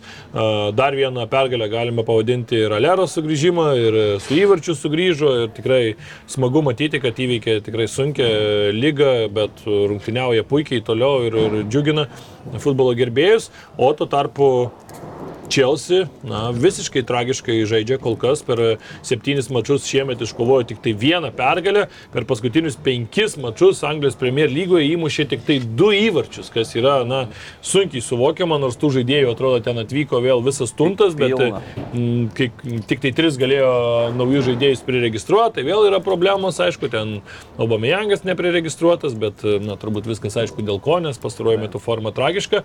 Ir dabar jau net pasigirsta kalbų, kad galbūt ir Luisas Enrique galėtų nuo vasaros ateiti gelbėti ir čia gal jau poteriai ir atleis net, na tai čia vėl toksai Chelsea, sakyčiau, balaganas. Klausikas už milžiniškus pinigus tęsiasi toliau. už labai didelius pinigus. Ir man atrodo, kad dabar čia šita pora tokia labai atvira ir aš visiškai nenurašyčiau Borusijos, nors kai ištraukė, turbūt favoritu vis tiek buvo Chelsea. Nes tai kaip tada Dortmundas atrodė ir kuriuose vietose buvo ir taip toliau. Dabar matom, taip, labai daug kas pasikeitė per tą pertrauką, tai, na, Čelsa ten matom, neranda to savo žaidimo ir ten surūbinė, man atrodo, irgi labai blogai yra. Taip, kad ten vėlgi, kaip ateis tą dieną išės į aikštę komandos, kaip ten kas Vėjas nesusikapoja. paklausė, ten interviu, kai davė, nežinau, kad Žuržinio išėjo, ne, sužinojo. tai ta prasme, tu atini šalia turi kaimyną, nes pintelė, ateina kitas. Ai, tu čia, a, gerai, kas sekė, tu žinai. Ta prasme, toks, jeigu atini ir nežinai, kad tavo komandos draugas jau perėjęs. Tai... Čia kai panašiai kaip būna NBA, ten tai irgi žaidėjai sužino, kad juos iškeitė ten į, į kitą šalį, į tą pačią šalį, bet į visiškai kitą ten reikės Pakrantę. pakrantę. Jo, ir sako, tai čia nežinojai, va jau viskas, jau rūbinė atlaisvink ir e, kėdus pasimk ir varyk. Tai labai panašiai ir čia vyksta, o kalbėjom apie pasikeitimus, tai labai pasikeitė, sakyčiau, ir Briugės Benfikos pora, nes Briugė pastaruoju metu žaidžia tiesiog tragišką atkarpą iš paskutinių aštuonių rungtynių laimėjo vos vieną kartą ir tai yra, mes kalbam apie Belgijos vietinį čempionatą, taurį ir panašiai, tai na, tikrai Po grupių etapų taip pat šventė linksmai naujus metus. Ne? Dar dabar Viską šventė ilgai ir nuobodžiai. Čia man ir atrodo, susidarė toks vaizdas, kad na, jie patys netikėjo, kad jie išeis iš grupės ir tikrai, bet puikiai rungtyniavo, pati pradžia, tai ten buvo iš vis kažkas iš kosmoso ryties ir dabar, man atrodo, ne kaip būna, mes jau savo padarėm, dabar jau galus klubai ir dabar žiūri, kad Belgijoje nelabai eina. Tai, nu, tai va tie vidutiniokai, jie negali ilgai išlaikyti, jie gali šokti. Tai ten buvo kosmosas, kaip jie Taip, sužaidė, taip. aišku, kažkur. Na, tai šiemet buvo labai gerai, tu ten mėnesį geras Taip, sužaisk ir viskas. Taip, ir viskas. Daug rungtynių. viskas išaiškėjo, net savo čempionate ten nesugebė Jam jau be variantų, realiai, pavyzdžiui, čempionais, tai jie dabar nuo Genko atsilieka 21 taškų. Taip, taip, Tai visiškai. Kad mes viską į čempionų lygą. Nu, viską bet- galima, bet bet- vis tiek Benfica vis tiek yra jau kaip ir įveikiamas varžovas, bet aišku, Benfica. Vietos irgi skiriau 14 taškų. Nu, tai Belgijoje yra, yra, tarsi, nu, su, su Briugė čia tikrai Nekokia, nekokia situacija. Visiškai didžiuliai įdomiai Gal komanda. iš, O Benfica pardavė tik- ten, gal ne, nežiūrėjau, gal ten pardavė. Nebuvo ten, žinau, Pusė komandos daug. buvo. Ir čia, kad jau jie tas žaidimas jų, jų prastesnis buvo jau ir anksčiau, jau ir prieš transferų langą jau ne, nebuvo, kad labai jo gerai judėtų, nes jie ir metus užbaigė ten tragiškai ir iš taurės. Gerai, kad nebriugės programą turim. Nu, gerai. Bent čia. Iki naujų metų blogai, briugės geriau, dabar. O Benfica kaip tik šiemet sužaidė septynis mačius, šešios pergalės, vieną kartą sužaista lygiosiamis, bet lygiosiamis irgi sužaista nesu bet kuo, su Lisabono sportingu. Aišku, Enzo Fernandesas didžiulis praradimas, bet e, Benfica mes žinom, kad tai yra komanda, kuri sugeba ištraukti vis tiek kažką. Talentų pilna ten. Taip, taip, talentų ten daug, tai šitoj poroj turbūt, kad Benfica tampa irgi pakankamai ryškių favoritų. Žinom, kad komanda ir pernai gerai pasirodė Čempionų lygos uh, atrank, iš visose at- atkrintamosiose varžybose, tai manau, kad ir... Kaip briugė šiemet. bežaistų, manau, kai burtai tokie šitą ten trynė visi rankom, Benfico. Faktas, faktas, tu antrą vietą užėmė kokios kitos poros. Pasižė su Bayernu. na, O tu čia briugę gauni. Taip, taip, taip, tai čia yra fantastika. Uh, toliau keliaukim trumpai į šitą savaitgalį, kas, kas vyks e, visose lygose, dar prieš Čempionų lygą. Tai Anglijoje šiaip turbūt, kad toks įdomiausias dabar tampa mačas pirmadienį, aš sakyčiau, tarp Liverpoolio ir Evertono, tai yra Merseyside derbis visgi. Yra, aišku, ir daugiau tų įdomių rungtynių, bet man atrodo, kad e, dabartiniai stadijoje, matant, kad Evertonas ir Arsenalą sugebėjo su naujų trenerių nugalėti, o Liverpoolis toliau labai labai smarkiai stringa, tai čia, sakyčiau, bus tokia labai labai, labai, labai rimtos kaputinės, man atrodo, ir pasakyti, kad Ar, ar skęstant į Liverpoolį dar? Labiau, nu, bet čia, žinai, dabar įsivaizduok, jeigu dar tu pralaimi nuo Evertono, tai čia jau Liverpoolio gal jau ir sirgaliai tikrai nebet laikys tiek visų nesąmonių ir gal jau bus ir klop out kažkur pasirodys plakatai, nes jau... Na, Aišku, čia vis, visko, visko daug gali būti, nes na, treneris nusirekomendavęs, daug dalykų padaręs Liverpooliu ir taip toliau ir nesinorėtų turbūt niekam atleidimo sezono eigoje, Bet Liverpoolis prieš klopą kiek kentėjo be titulų, tai dabar jau atleistų viską jam. Tai gali būt, gali būt, bet- Kantrybės taurė dar tikrai ne, neperpildyta, bet, bet kitam treneriui tai čia jau būtų jau spaudimas didžiulis. E, Dabar tai tikrai tu sakai, net laikys ir gali, nes ir galios, ir galių širdys net laikys, jei dar nuo Evertono pralaimės. Tai, ir ypač tai- namuose žaidžiant Anfield'e. Bet, bet jau na, Liverpooliui norint kovoti dėl Europos, tai čia, na, jau, Jau jau reik- gyvenk, jau reikia čia ne po vieną tašką rinkti, po tris taškus visose rungtynėse, nes kitaip tai čia nenusimato nieko gero jam. Taip, Ispanijoje net nėra iš tikrųjų ką išskirti, labai kažkokių tai rimtų, tokių jau super, sakykime, susitikimų nelabai ir yra. Veirelis Barcelona turbūt galima, e, toks e, rimčiausias turbūt mačas, visgi Veirelis namuose žaidžia, tai va čia galbūt toks centrinė, centrinė turo dvikova. Barsai, aišku, laukia Manchester United irgi Europos lygoje, čia apie Čempionų lygą pašnekėjom, bet Barsa Manchester United bus turbūt irgi vienas iš kertinių kitos savaitės mačų, o tuo tarpu serijoje A reikalai toliau krypsta į tą pusę, kad e, Napoli ten, man atrodo, nelabai turi varžovų ir dabar tas jų tvarkaraštis vėl toks labai geras, dabar žais su Kremonėse, tai ten Kurie irgi paskutiniai vietoje. Taip, taip, turi su vos aštuoniais taškais ir ne vienos pergalės nėra Po to iškovojęs. seka Sasuolo 15 vieta, Empoli 12 Nu, vieta. Sasuolo tai dar šiemet e, truputį, e, ne šiemet, o šiuo metu neblogai dar visai krūta, nes e, nugalėjo Milaną ir dabar e, sugebėjo. Milaną dabar gali bet kas Tiesa. Milaną taip, bet va, Atalanta vienas nulis dar, Tai dar tik sugebėjo. Po, po to Napolio laukia Lacijo, Atalanta, tai jau rimtesni išbandymai, dabar trejos rungtynės tokios su apatinėje turtinės lentelės vietoje esančiais ir na, aš jau... Bet susirinktas tris rungtynės ir jau tau lieka Taip, ten jau- 10 turų, ar ten šiek tiek daugiau ir lieka ten vėl 13 ar ten 15 taškų. Laimėti skudėto Napoliu sutrukdyti gali tik jie patys, man atrodo. Taip Taip, irgi čempionų lyga prasidės, viską daugiau rungtynių, bet na vis tiek dabar, dabar pavyzdžiui, šiame turi Lacijos su Atalanta žaidžia Taip, ketvirtą, taip. penktą vietos, Tai čia vėlgi taip. vieni iš kitų atims taškų. Na, tai nežinau, Milanas su Turino žaidžia šeštą, septintą vietą, bet čia, man atrodo, pamirškim šitas komandas, jau tikrai Jau nėra dėl čempionų titulo tikrai jos nekovos. Tai vėlgi ne, matom, čia artimiausia Interas turbūt vienintelis. Interas vienintelis, kuris gali, bet tas galėjimas, ką žinau, na jau 13 taškų, 21 turas Jo, ir. Interų irgi reikės ir čempionų lygoje Taip, žaisti su sportu, 38. tenais irgi nebus lengva ir tuo pačiu mes matom, kad ta jų forma irgi. Tai laimi, tai pralaimi, tai kažkur tai atiduoda tos taškus, nėra ten tokia jau. O pas Napolį laimi, laimi, laimi, laimi, laimi, laimi, pralaimi, laimi, laimi, laimi, laimi. Tai būtent. Vienas pralaimėjimas. Pralaimėjimas bus vienas, tai- Ir dviejos lygios. Tai apie ką mes kalbame? Tikrai taip, o Vokietijoje bus labai įdomus mačas tarp Leipzigo ir uh, Uni, Berlyno Uniono. Unionas vos vienu tašku atsilieka nuo Bayerno, čia aišku. Kažkas nerealaus. Aš laukiu, kada jie kris, kada jie kris, o jie niekaip. Kai sėdi ten viršūnėlėje, tai prisėdi ramus. Man Čia būtų keturias pana- pergalės išėlės savo. Panašaus masto sensacija, kai Lesteris laimėjo Premier League.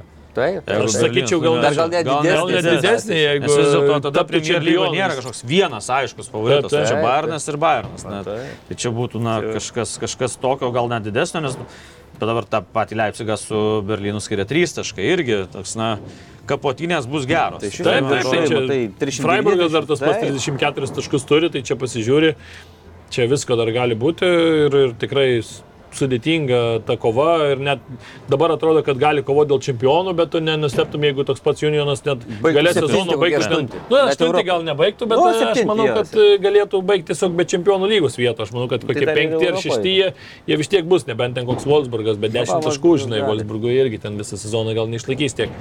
Taip judant. e, Prancūzijai šiek tiek apramino vietinėme fronte pa- Paryžius savo reikalus. Ten irgi mes žinom, kad nors ir Paryžius stringa, bet ir kitos komandos nėra tokios labai jau pajėgios, kad e, visus nugalėtų ir tuos taškus barsto ir porą vat, Paris Saint Germain pergalių, o tuo tarpu Lanas, tarkim, per paskutinius du mačius e, tik tai tašką iškovojo ir jau iš karto vėl tas atotrukis didesnis, bet dabar Paris Saint Germainui dar prieš e, čempionų lygos batalijas laukia ir pakankamai tikrai rimtas varžovas išvyka į Monako, tai dar ir ten Tai- bus, bus reikalų, bet gali būti, kad ir pasirotos kažkiek. Praeitais metais Monako kaip šoko, ten laimėjo, nežinau, kiek ten rungtynių iš eilės. Taip, Dabar taip. galbūt porą įveikti tokį pasažeržę, vėl bus toks kilimas kosminis, žinai, ten kiek buvo 10-12 rungtynių, gal laimėjo, laimėjo viską, ten ten, serija buvo taip, taip. kažkokia nereali. Nes jie buvo visiškai, atrodo, iškritę Taip, nebe į Europos vietas, o paskui šoko taip, taip, kad, taip, taip. kad sugebėjo dar labai smarkiai pakilti. Įdomu, čia šitos rungtynės bus jiems labai svarbios. 10 taškų, apsiloš tarpusavį, 7 lieka, ar ten jau prieš tai laimėjęs dvi rungtynės esi, nu, kodėlgi ne, būtų smagu pamatyti ją tokį atsigavimą, benefitų. Aš tik laukiu, laukiu, kada čia tas Madridista pradės pasakot, kad šeštąjį pasaulio, stipriausias pasaulio futbolo klubas paaiškės. Sąmonė ten tas turnyras. Aš ir kažkaip taip Bet ne? Pralošė, ne? Laimėjo 4-1. Ne, dabar- realas laimėjo, laimėjo, bet pusfinalį kitam. Jo, jo, su, Flamengo- tai su, su Algilalu su- žais Taip, dabar. Jo, jo, Taip, jo. žais realas Alhilalas, finalas šeštadienį ir toks, na, va tas ir yra kažkaip. Aš net prisiminiau tą, kai būdavo ta tarp žemyninė taurė, ten kontinental taurė, kaip buvo vadinama, tai va, tai ten buvo tikrai laudavai tų rungtynių, kai Europos čempionai klubinio futbolo su Pietų Amerikos čempionai taip. susitikdavo tikrai rungtynės, būdavo Japonijoje, atsimenu, tada Tokijoje, po to Yokohamoje liktais, jei neklystu, kad tikrai būdavo rungtynės, kurių laudavai dabar FIFA nuo 2000. 2000 metais ten buvo, atsimenu, brazilų klubai žaidė finale, toks, tada pradėjo tą pasaulio klubų tą čempionatą tokį daryti, toks mini turnyrėlis, visų žemynų atstovai. Ir kažkaip toks, na, nunyko, nunyko, toks susidomėjimo, jokio kažkaip net, net neįdomu žiūrėti ir dabar, na, tikrai kažkaip, na, prarado, prarado tą grožį, nuo 60 metų netgi vyko tarp, tarp žemyninė taurė, kur susitikdavo čempionų taurės laimėtojai, po to čempionų lygos su Copa Libertadores laimėtojais, o dabar dar Flamengo su Davidu Luizu gynyboje ir Arturo Vidaliu ant keitimo išėjusi pralaimėjo Hilalui 2-3 ir finale sustiks dabar Ispanijos ir Saudo Arabijos grandai. Nu, tai toks, na, tikrai Nu, tai žinai, reikiagi Saudo Arabijos.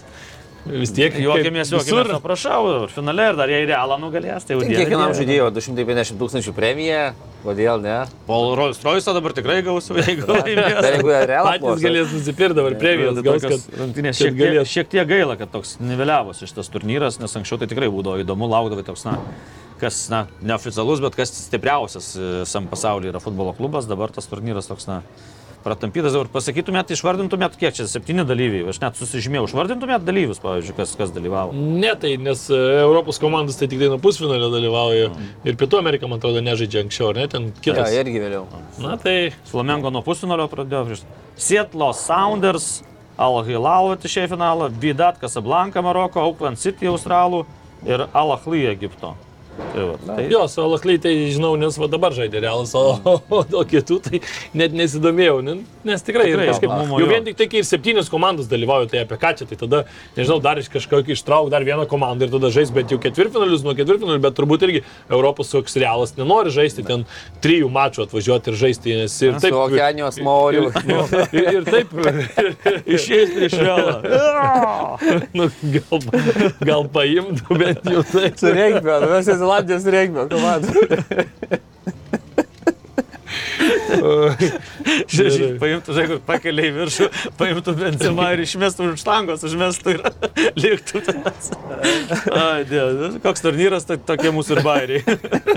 Čia pasaulio klubų čempionatas vyksta, o pasaulio normalaus jau čempionato 2030 metų oficialiai paskelbė, kad na, Pietų Amerikos šalis, net keturios, jungiasi Argentina, Urugvajus, Paragvajus ir Čilė ir sieks organizuoti e, čempionatą, kuris bus vyks lygiai praėjus šimtui metų po pirmojo pasaulio čempionato, kurį organizavo tas pats Urugvajus. Tai va štai Pietų Amerikos ir buvo Pietų Amerikos konfederacijos jau vadovas e, pristatinėjo, kad sako labai tikimės, kad na, pažymint tą pirmąjį čempionatą, kuris vyko Urugvajuje, kad bus atiduota Pietų Amerikoje. Tai Urugvajuje, kaip minėjau, vyko pats pirmasis, Čilėje 62 metais vyko, Argentinoje 78 metais, tai irgi labai jau seniai vyko, o Paragvajuje niekada nėra vykę. Ir man atrodo toks labai teisingas sprendimas, keturios šalis, nežinau, Taip, dabar taip, toks simboliškas. nepajėgios. Na, Tai jeigu jau Junktinės Amerikos valstijos jungiasi su, su Kanada ir su Meksika, Meksika, kur tai- bus kitas pasaulio čempionatas. Tai čia tikrai, na, Brazilai padarė ir pasaulio čempionatą, ir olimpinės žaidynės panašiu metu. Tai žinom, kad, na, šalį ten nuvarė tikrai ekonomiškai į, Taip, taip. į bedugnę, ten visko ten buvo ir, ir taip toliau. Tai gali čia tik tai Ruskinas daryti, gali Kataras daryti, kur tikrai pinigų ten daugiau nei šieno. Tai man atrodo labai teisingas sprendimas keturiom šalim susijungti ir padaryti vis tiek. Ir jau keturiose šalyse tie žiūrovai mato ir kitiem atvažiuoja. labiau, kad ten ir patiems europiečiam nuskrendi ir gali pakeliauti po tas šalis, pasižiūrėti tiek šalis, tai tikrai geras sprendimas. Aišku, iš kitos pusės yra dar, nežinau, ar oficialiai jie paskelbė ir ne Ispanija, Portugalija kartu nori organizuoti, e, ta pati Saudo Arabija, žinom, kad labai labai intensyviai taip naršo ir žvalgo situaciją, kad galėtų organizuoti, nes kai pamatė, kad Katariai vyko žiemą, tai ir... Na, aš tai kažkaip Arabija nežinau, nebejoju, kad 34-ais tai gali būti daug šansų, Taip, kad Saudo kad Arabai. 30-ais ne, nenorės FIFA vėl taip Jo, du kad- metų liks dar ten naftose. Gal kai baigsis, tai jie investuoja. Tai anksčiau, gerai, gerai, tai- anksčiau nusipirks, suprantate, čempionatą, tai Taip. dabar mokėsi Taip, už jį taip, čia greitai. Ir sako. Marokas irgi taip, na, Marokas irgi tarp Marokas ilgai jau nori, taip, jo, kandidatų, tai vat, matom tokią situaciją, kad, na, bet, bet man tai labai kažkaip, nors mums čia toli aišku būtų, bet Argentina, Urugvajus, Urugvajus, Šilė, toks tikrai, tikrai ir tas, na, vis tiek, na, tradicijos yra tradicijos, na, Urugvajus tais laikais surengt pasaulio futbolo čempionatą, tai, na, Tikrai, tikrai buvo sunku, kas galėjo tas atplaukė ir taip dabar pagerbent tą situaciją, kad na, jie suorganizavo pirmi ir dabar vėl padaryti visai gražu. Ir tokios futbolo šalys, kur visi iš proto eina dėl to futbolo. Tikrai, o kai aš žinom, ten žais, kiek ten 84 su rinktinė žais, ar kiek? Nu, jau nežinau, tam- Pasaulio čempionate, tai čia, kad keturios rinktinės žais, tai matom, kad kitam pasaulio čempionate nėra problemų, kad trys žais. Tai ten, manau, FIFA matysis, kaip ten kontraktai eina su rėmėjais. Jeigu ką, padidins dar ten vietoj. Taip, bet žinai, 40 jeigu jau daugiau žais. 80 ten kelias, tai jau iš Pietų Amerikos visas ims, nes ten valstybių net ne tiek ir daug. Ir tada Infantino, ką nori padaryti kas dviejus metus, kad nereiktų rankos daryti, tai tada Na, žodžiu. kas du metai. Visos susirenka pasaulyje, suplaukia visi kažkur ir žaidžia tada du mėnesius. Bermudų trikampį. Tris mėnesius vyks pasaulio čempionatas. Nu, gal ir idėja, žinai, kaip sezonas beveik jau. Na, pinigų būtų daug. Gerai, keliaujam. Balta ir raudona kortelės, mūsų tradicinė dabar jau naujoji rubrika, pavadinkim taip. Aš savo baltą kortelę duosiu Turkijos futbolo bendruomeniai, kuri labai vieningai susitelkė padėti nukentėjusiems po e, žemės drebėjimo įvykusio Turkijos ir Sirijos pasienyje ir ten a, pasižymėjo ir kai kurie žaidėjai labai smarkiai, ten pavyzdžiui, gal tas Raus vartininkas Ismailas e, Čipė iš karto iškilęs yra iš tų vietų, iš karto sako, kad e, susikrovė ten, ką turėjo, greitai į mašiną ir iš karto išvažiavo padėti visiems ten tiems nukentėjusiems. Tai tikrai na, tokia did, didžiulė nelaimė ir e, smagu matyti bent jau tai, kad tikrai futbolo bendruomenė, ten ir Bašakšakyro klubas ir aišku priklauso jisai ten dalinai, kaip sakyti, ir, ir na, Erdoganui, tai yra prezidentui, bet matome, kad tikrai didžiulė nelaimė ir čia futbolas nelieka nuo šalyje ir, ir, ir prisideda prie to. Tai tokia būtų mano balta kortelė. Savo baltą kortelę skiriu galbūt vienai tokiai įdomesniai specialybė, nes, na, kalbama, kad futbolininkai gali iš futbolo gyventi, kad daug uždirba, bet tas darbas trumpalaikis. Tai galima būti ir teisininku. Kalbu apie Manchester City, tą Lordą Paniką, apie ką užsiminėme laidoje. Kad e, žmogeliuko įkainis 5000 valandinis, tačiau šeikai gali mokėti ir 80 tūkstančių per dieną, ar 400 tūkstančių svarų celingų per savaitę. Tai iš tikrųjų, jeigu nežaisite futbolo, eikite mokytis teisę ir tikrai nebus blogiau, nes, e, na, kaip ir minėjome, algas, ne, žaidėjų, tai čia vienas iš brangiausių grajokų. E, Nu, tai man atrodo, kad nieks tiek Man negauna ten. stovykloje ir čia suprantama, kad na, kažkoks kaip ir kosmosas, bet faktas tas, kiek gali prarasti, galbūt tai štai tie pinigai metami už tas klaidas, bet jau minimaliai amortizuoti viską ir tai pasistengti ištipti iš balos ausiems, taip kad aš na, per tą per tą prizmę, kad jeigu nesugebama žaisti futbolą, tai galima galbūt iš teisinės pusės, iš futbolo e, uždirbti nemažai. Na, aš baltą kortelę duosiu Sebastianui Valerui, kuris į Dortmundo Borusijos gretą sugrįžo po sunkios lygos, po onkologinės lygos ir, na, man atrodo, kiekvienas, kas esam susidūrę ir matę, kaip žmonės gydomi chemoterapijos kursais, ką reikia iškesti ir koks tu būni po chemoterapijos, tai sugrįžti į futbolą ir įmušti įvartį tarptautinės kovos su vėžiu dieną. Na, tai man atrodo, čia toks tikrai toks, na, simbolinis, simbolinis parodymas, kad, na, tu gali įveikti ir, ir, ir tikrai, kad, na, jokia lyga nebaisė, jeigu tu kovoji, jeigu tu nori Jeigu kad kovoti tikėtų dvi, dvi operacijos, keturi chemoterapijos kursai.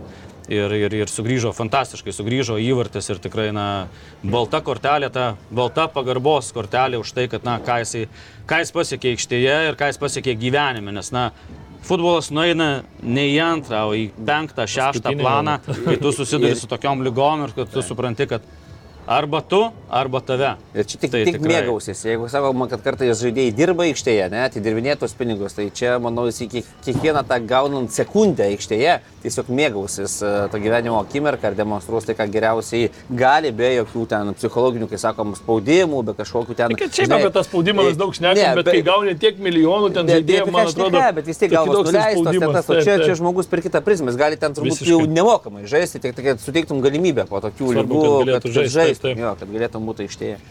Tikrai taip, raudona kortelė, aš šį kartą savo raudoną kortelę duosiu a, daug, taip konkrečiai galbūt į vieną, į vieną komandą ar į vieną klubų savininką nesitaikysiu, bet dabar kažkaip labai e, Europoje ir apskritai tame ir ne tik futbole ir kitose sportuose nėra kantrybės ir dažnai yra treneriai atleidžiami labai jau greitai ir dabar man tarkim tas Jesse Maršo atleidimas e, Lyco klubo, na toksai neskanus, atrodo, tu Prisimi treneriai ten kalbi prieš sezoną apie ilgalaikės vizijas, kad čia pa- patiko, kaip ten dirbo ankstesniuose projektuose, kad čia mes irgi norim kažkokią būti komandą, kurį atpirksim jaunesnius žaidėjus, turėsim jaunesnę komandą, bet auginsim talentus ir tikrai jauna komanda pasižiūri, ten Gnonto dabar ar ne, fantastiškai žaidžia, ten Aronsonas, kiti žaidėjai ir atrodo, tu turi tų talentų. Ir dabar dar pasiimi trenerio, treneris, nu- nupirki trenerių žaidėjus, tai yra amerikietį Makenį, Vioberį, kurį treniravo Zalzburgė, Ruterą, kurį irgi ten iš Vokietijos, faktas, kad irgi, kaip sakant, perki su jau žiniom. Ir bam, vienas rungtynės ten su Nottinghamu pralaimėjimas ir atleidai. Net nėra tas lycas dar kažkur ten jau būtų nukritęs, kad jau visiškai negalėtų įsikapanot. Tai nežinau, man kažkaip tokie visi tie atleidimai, tie klubų savininkų kažkokie filosofijų paaišymai ir tuomet e, šiek tiek kažkur tai praščiau sekasi ir kertam jau galvą, dabar imsim kitą ir eisim vėl, vėl kitą projektą. Tie, Tai tie kažkokia nesąmonė. savininkai, prezidentai, jau aš perėsiu prie savo rūdinas kortelės, nes labai geras bus nuėjimas, ne? Turėjom minėję Intrakto prezidentą, kuris įvėlė į narkotikų skandalą, kur su žmona, su sūnum, e, šniokščia namuose, Ten tai kažkokia 13 metais nuėjo į mokyklą su draugeliais, bats, bats, ir tada pradedi suprasti, kad ten tokie sprendimai galbūt ir priimami, nes tada žmona sako, žiūrėk, man tas gražus nupirktų man į, ten, į komandą, tas ne, tu ten išmeš, žinai, Nefainas. tai gal ir tai turi įtakos. O tas treneris manęs nepašokdino per kalėdinį. Vyno neįpylė, pas mane jau tuščia taurė buvo, matai, kiek ilgai sėdėjau. Ir, ir tada, žinai, viena tokia citatėlė patiko, kad na, komanda skraidžia padebesiuose. Ne, tiek čempionų lygo, nes Antraktas gauna Napolį, kurie irgi prisiminus, ne, Maradonos laikus, nespjaudavo į šitą takelį ant stalo. Reikalą. Ir kartu, aišku, penktą vietą Bundeslygoje šiuo metu, kaip ir Antraktas, tai gal ir tai turi įkvėpimo kažkokio, kad, kad komanda gerai žaidžia prezidentas, štai tokiais keliais, tokiais būdais sugeba savo vaikus išvesti iš kelio. Nas pratęsiu jūsų raud- raudonas korteles valdininkams, tai irgi valdininkams. Tai nesusitarę, raudoną čia- kortelę aš UEFA skirsiu, nes paaiškėjo, kad balandžio 5 dieną vyks e, kongresas rinkiminis Ir jame galės dalyvauti Rusijos futbolo asociacijos atstovai, vadovai. Tai va, pasirodo, kad e, diskvalifikacijos skirtos rinktiniai, klubams, bet valdininkai, beje, sporto organizacijose daug kur taip yra, kad valdininkai, rusų atstovai, jie gali dalyvauti kongresuose, gali dalyvauti net rinkimuose. Žinom, kad, pavyzdžiui, Tartutinė bokso federacija, tai ruskiai net perinko Taip, su taip. pavardė tokia Kremliov. Sako, jis pasikeitęs tą pavardę, matyt, Putino draugelis. Tai, tai, tai ir pasirodo, kad Rusijos e, futbolo asociacijos vadovas galės dalyvauti rinkimuose ir balsuoti. E, ir įtakoti rinkimus. Aišku, rinkimuose bus tik vienas kandidatas, tai Aleksandras Šefirinas, e, dabartinis UEFA prezidentas, bet vis tiek ten bus renkamasis vykdomasis komitetas ir taip toliau. Žinom, kad vykdomajam komitete UEFA buvo ir Djukovas, kuris Gazpromo vienas vadovų. Tai Taip, ten taip. tikrai su Kremliumi nesuksijas. Tikrai, Ne, ne, tikrai. visai Visai, visai. Tai va tokie žmonės valdo UEFA. Net nematė savo akise. Tai, va, bet, Kremlius. Bet tikėkime, kad e, vykdomajam komitete e, ruso kvapo neliks, bet, bet vien tas faktas, kad neužkirti dalyvavimo jiems e, dalyvauti kongresuose, tai už tai raudona kortelė. Mm, Tikrai čia labai pelnyta raudona kortelė, tikėkime, kad ateityje nebus tokių dalykų, bet kaip matom, kol kas išsivalyti dar pilnai nepavyksta. A, Tiek šį kartą mūsų laidoje, e, kaip ir tradiciškai pakviesime jūs žiūrėti įvarčio laidą po savaitės, aptarsime čempionų lygos dar visiškai karštas batalijas ir taip pat visus kitus dalykus. Tai ačiū, kad žiūrėjote ir iki kitos savaitės. Viso geriausio. Ačiū ir iki. Top sport, kazino lošimo automatai, ruletė, stalo lošimai, lažybos. Top sport. Nesaikingas lošimas gali sukelti priklausomybę.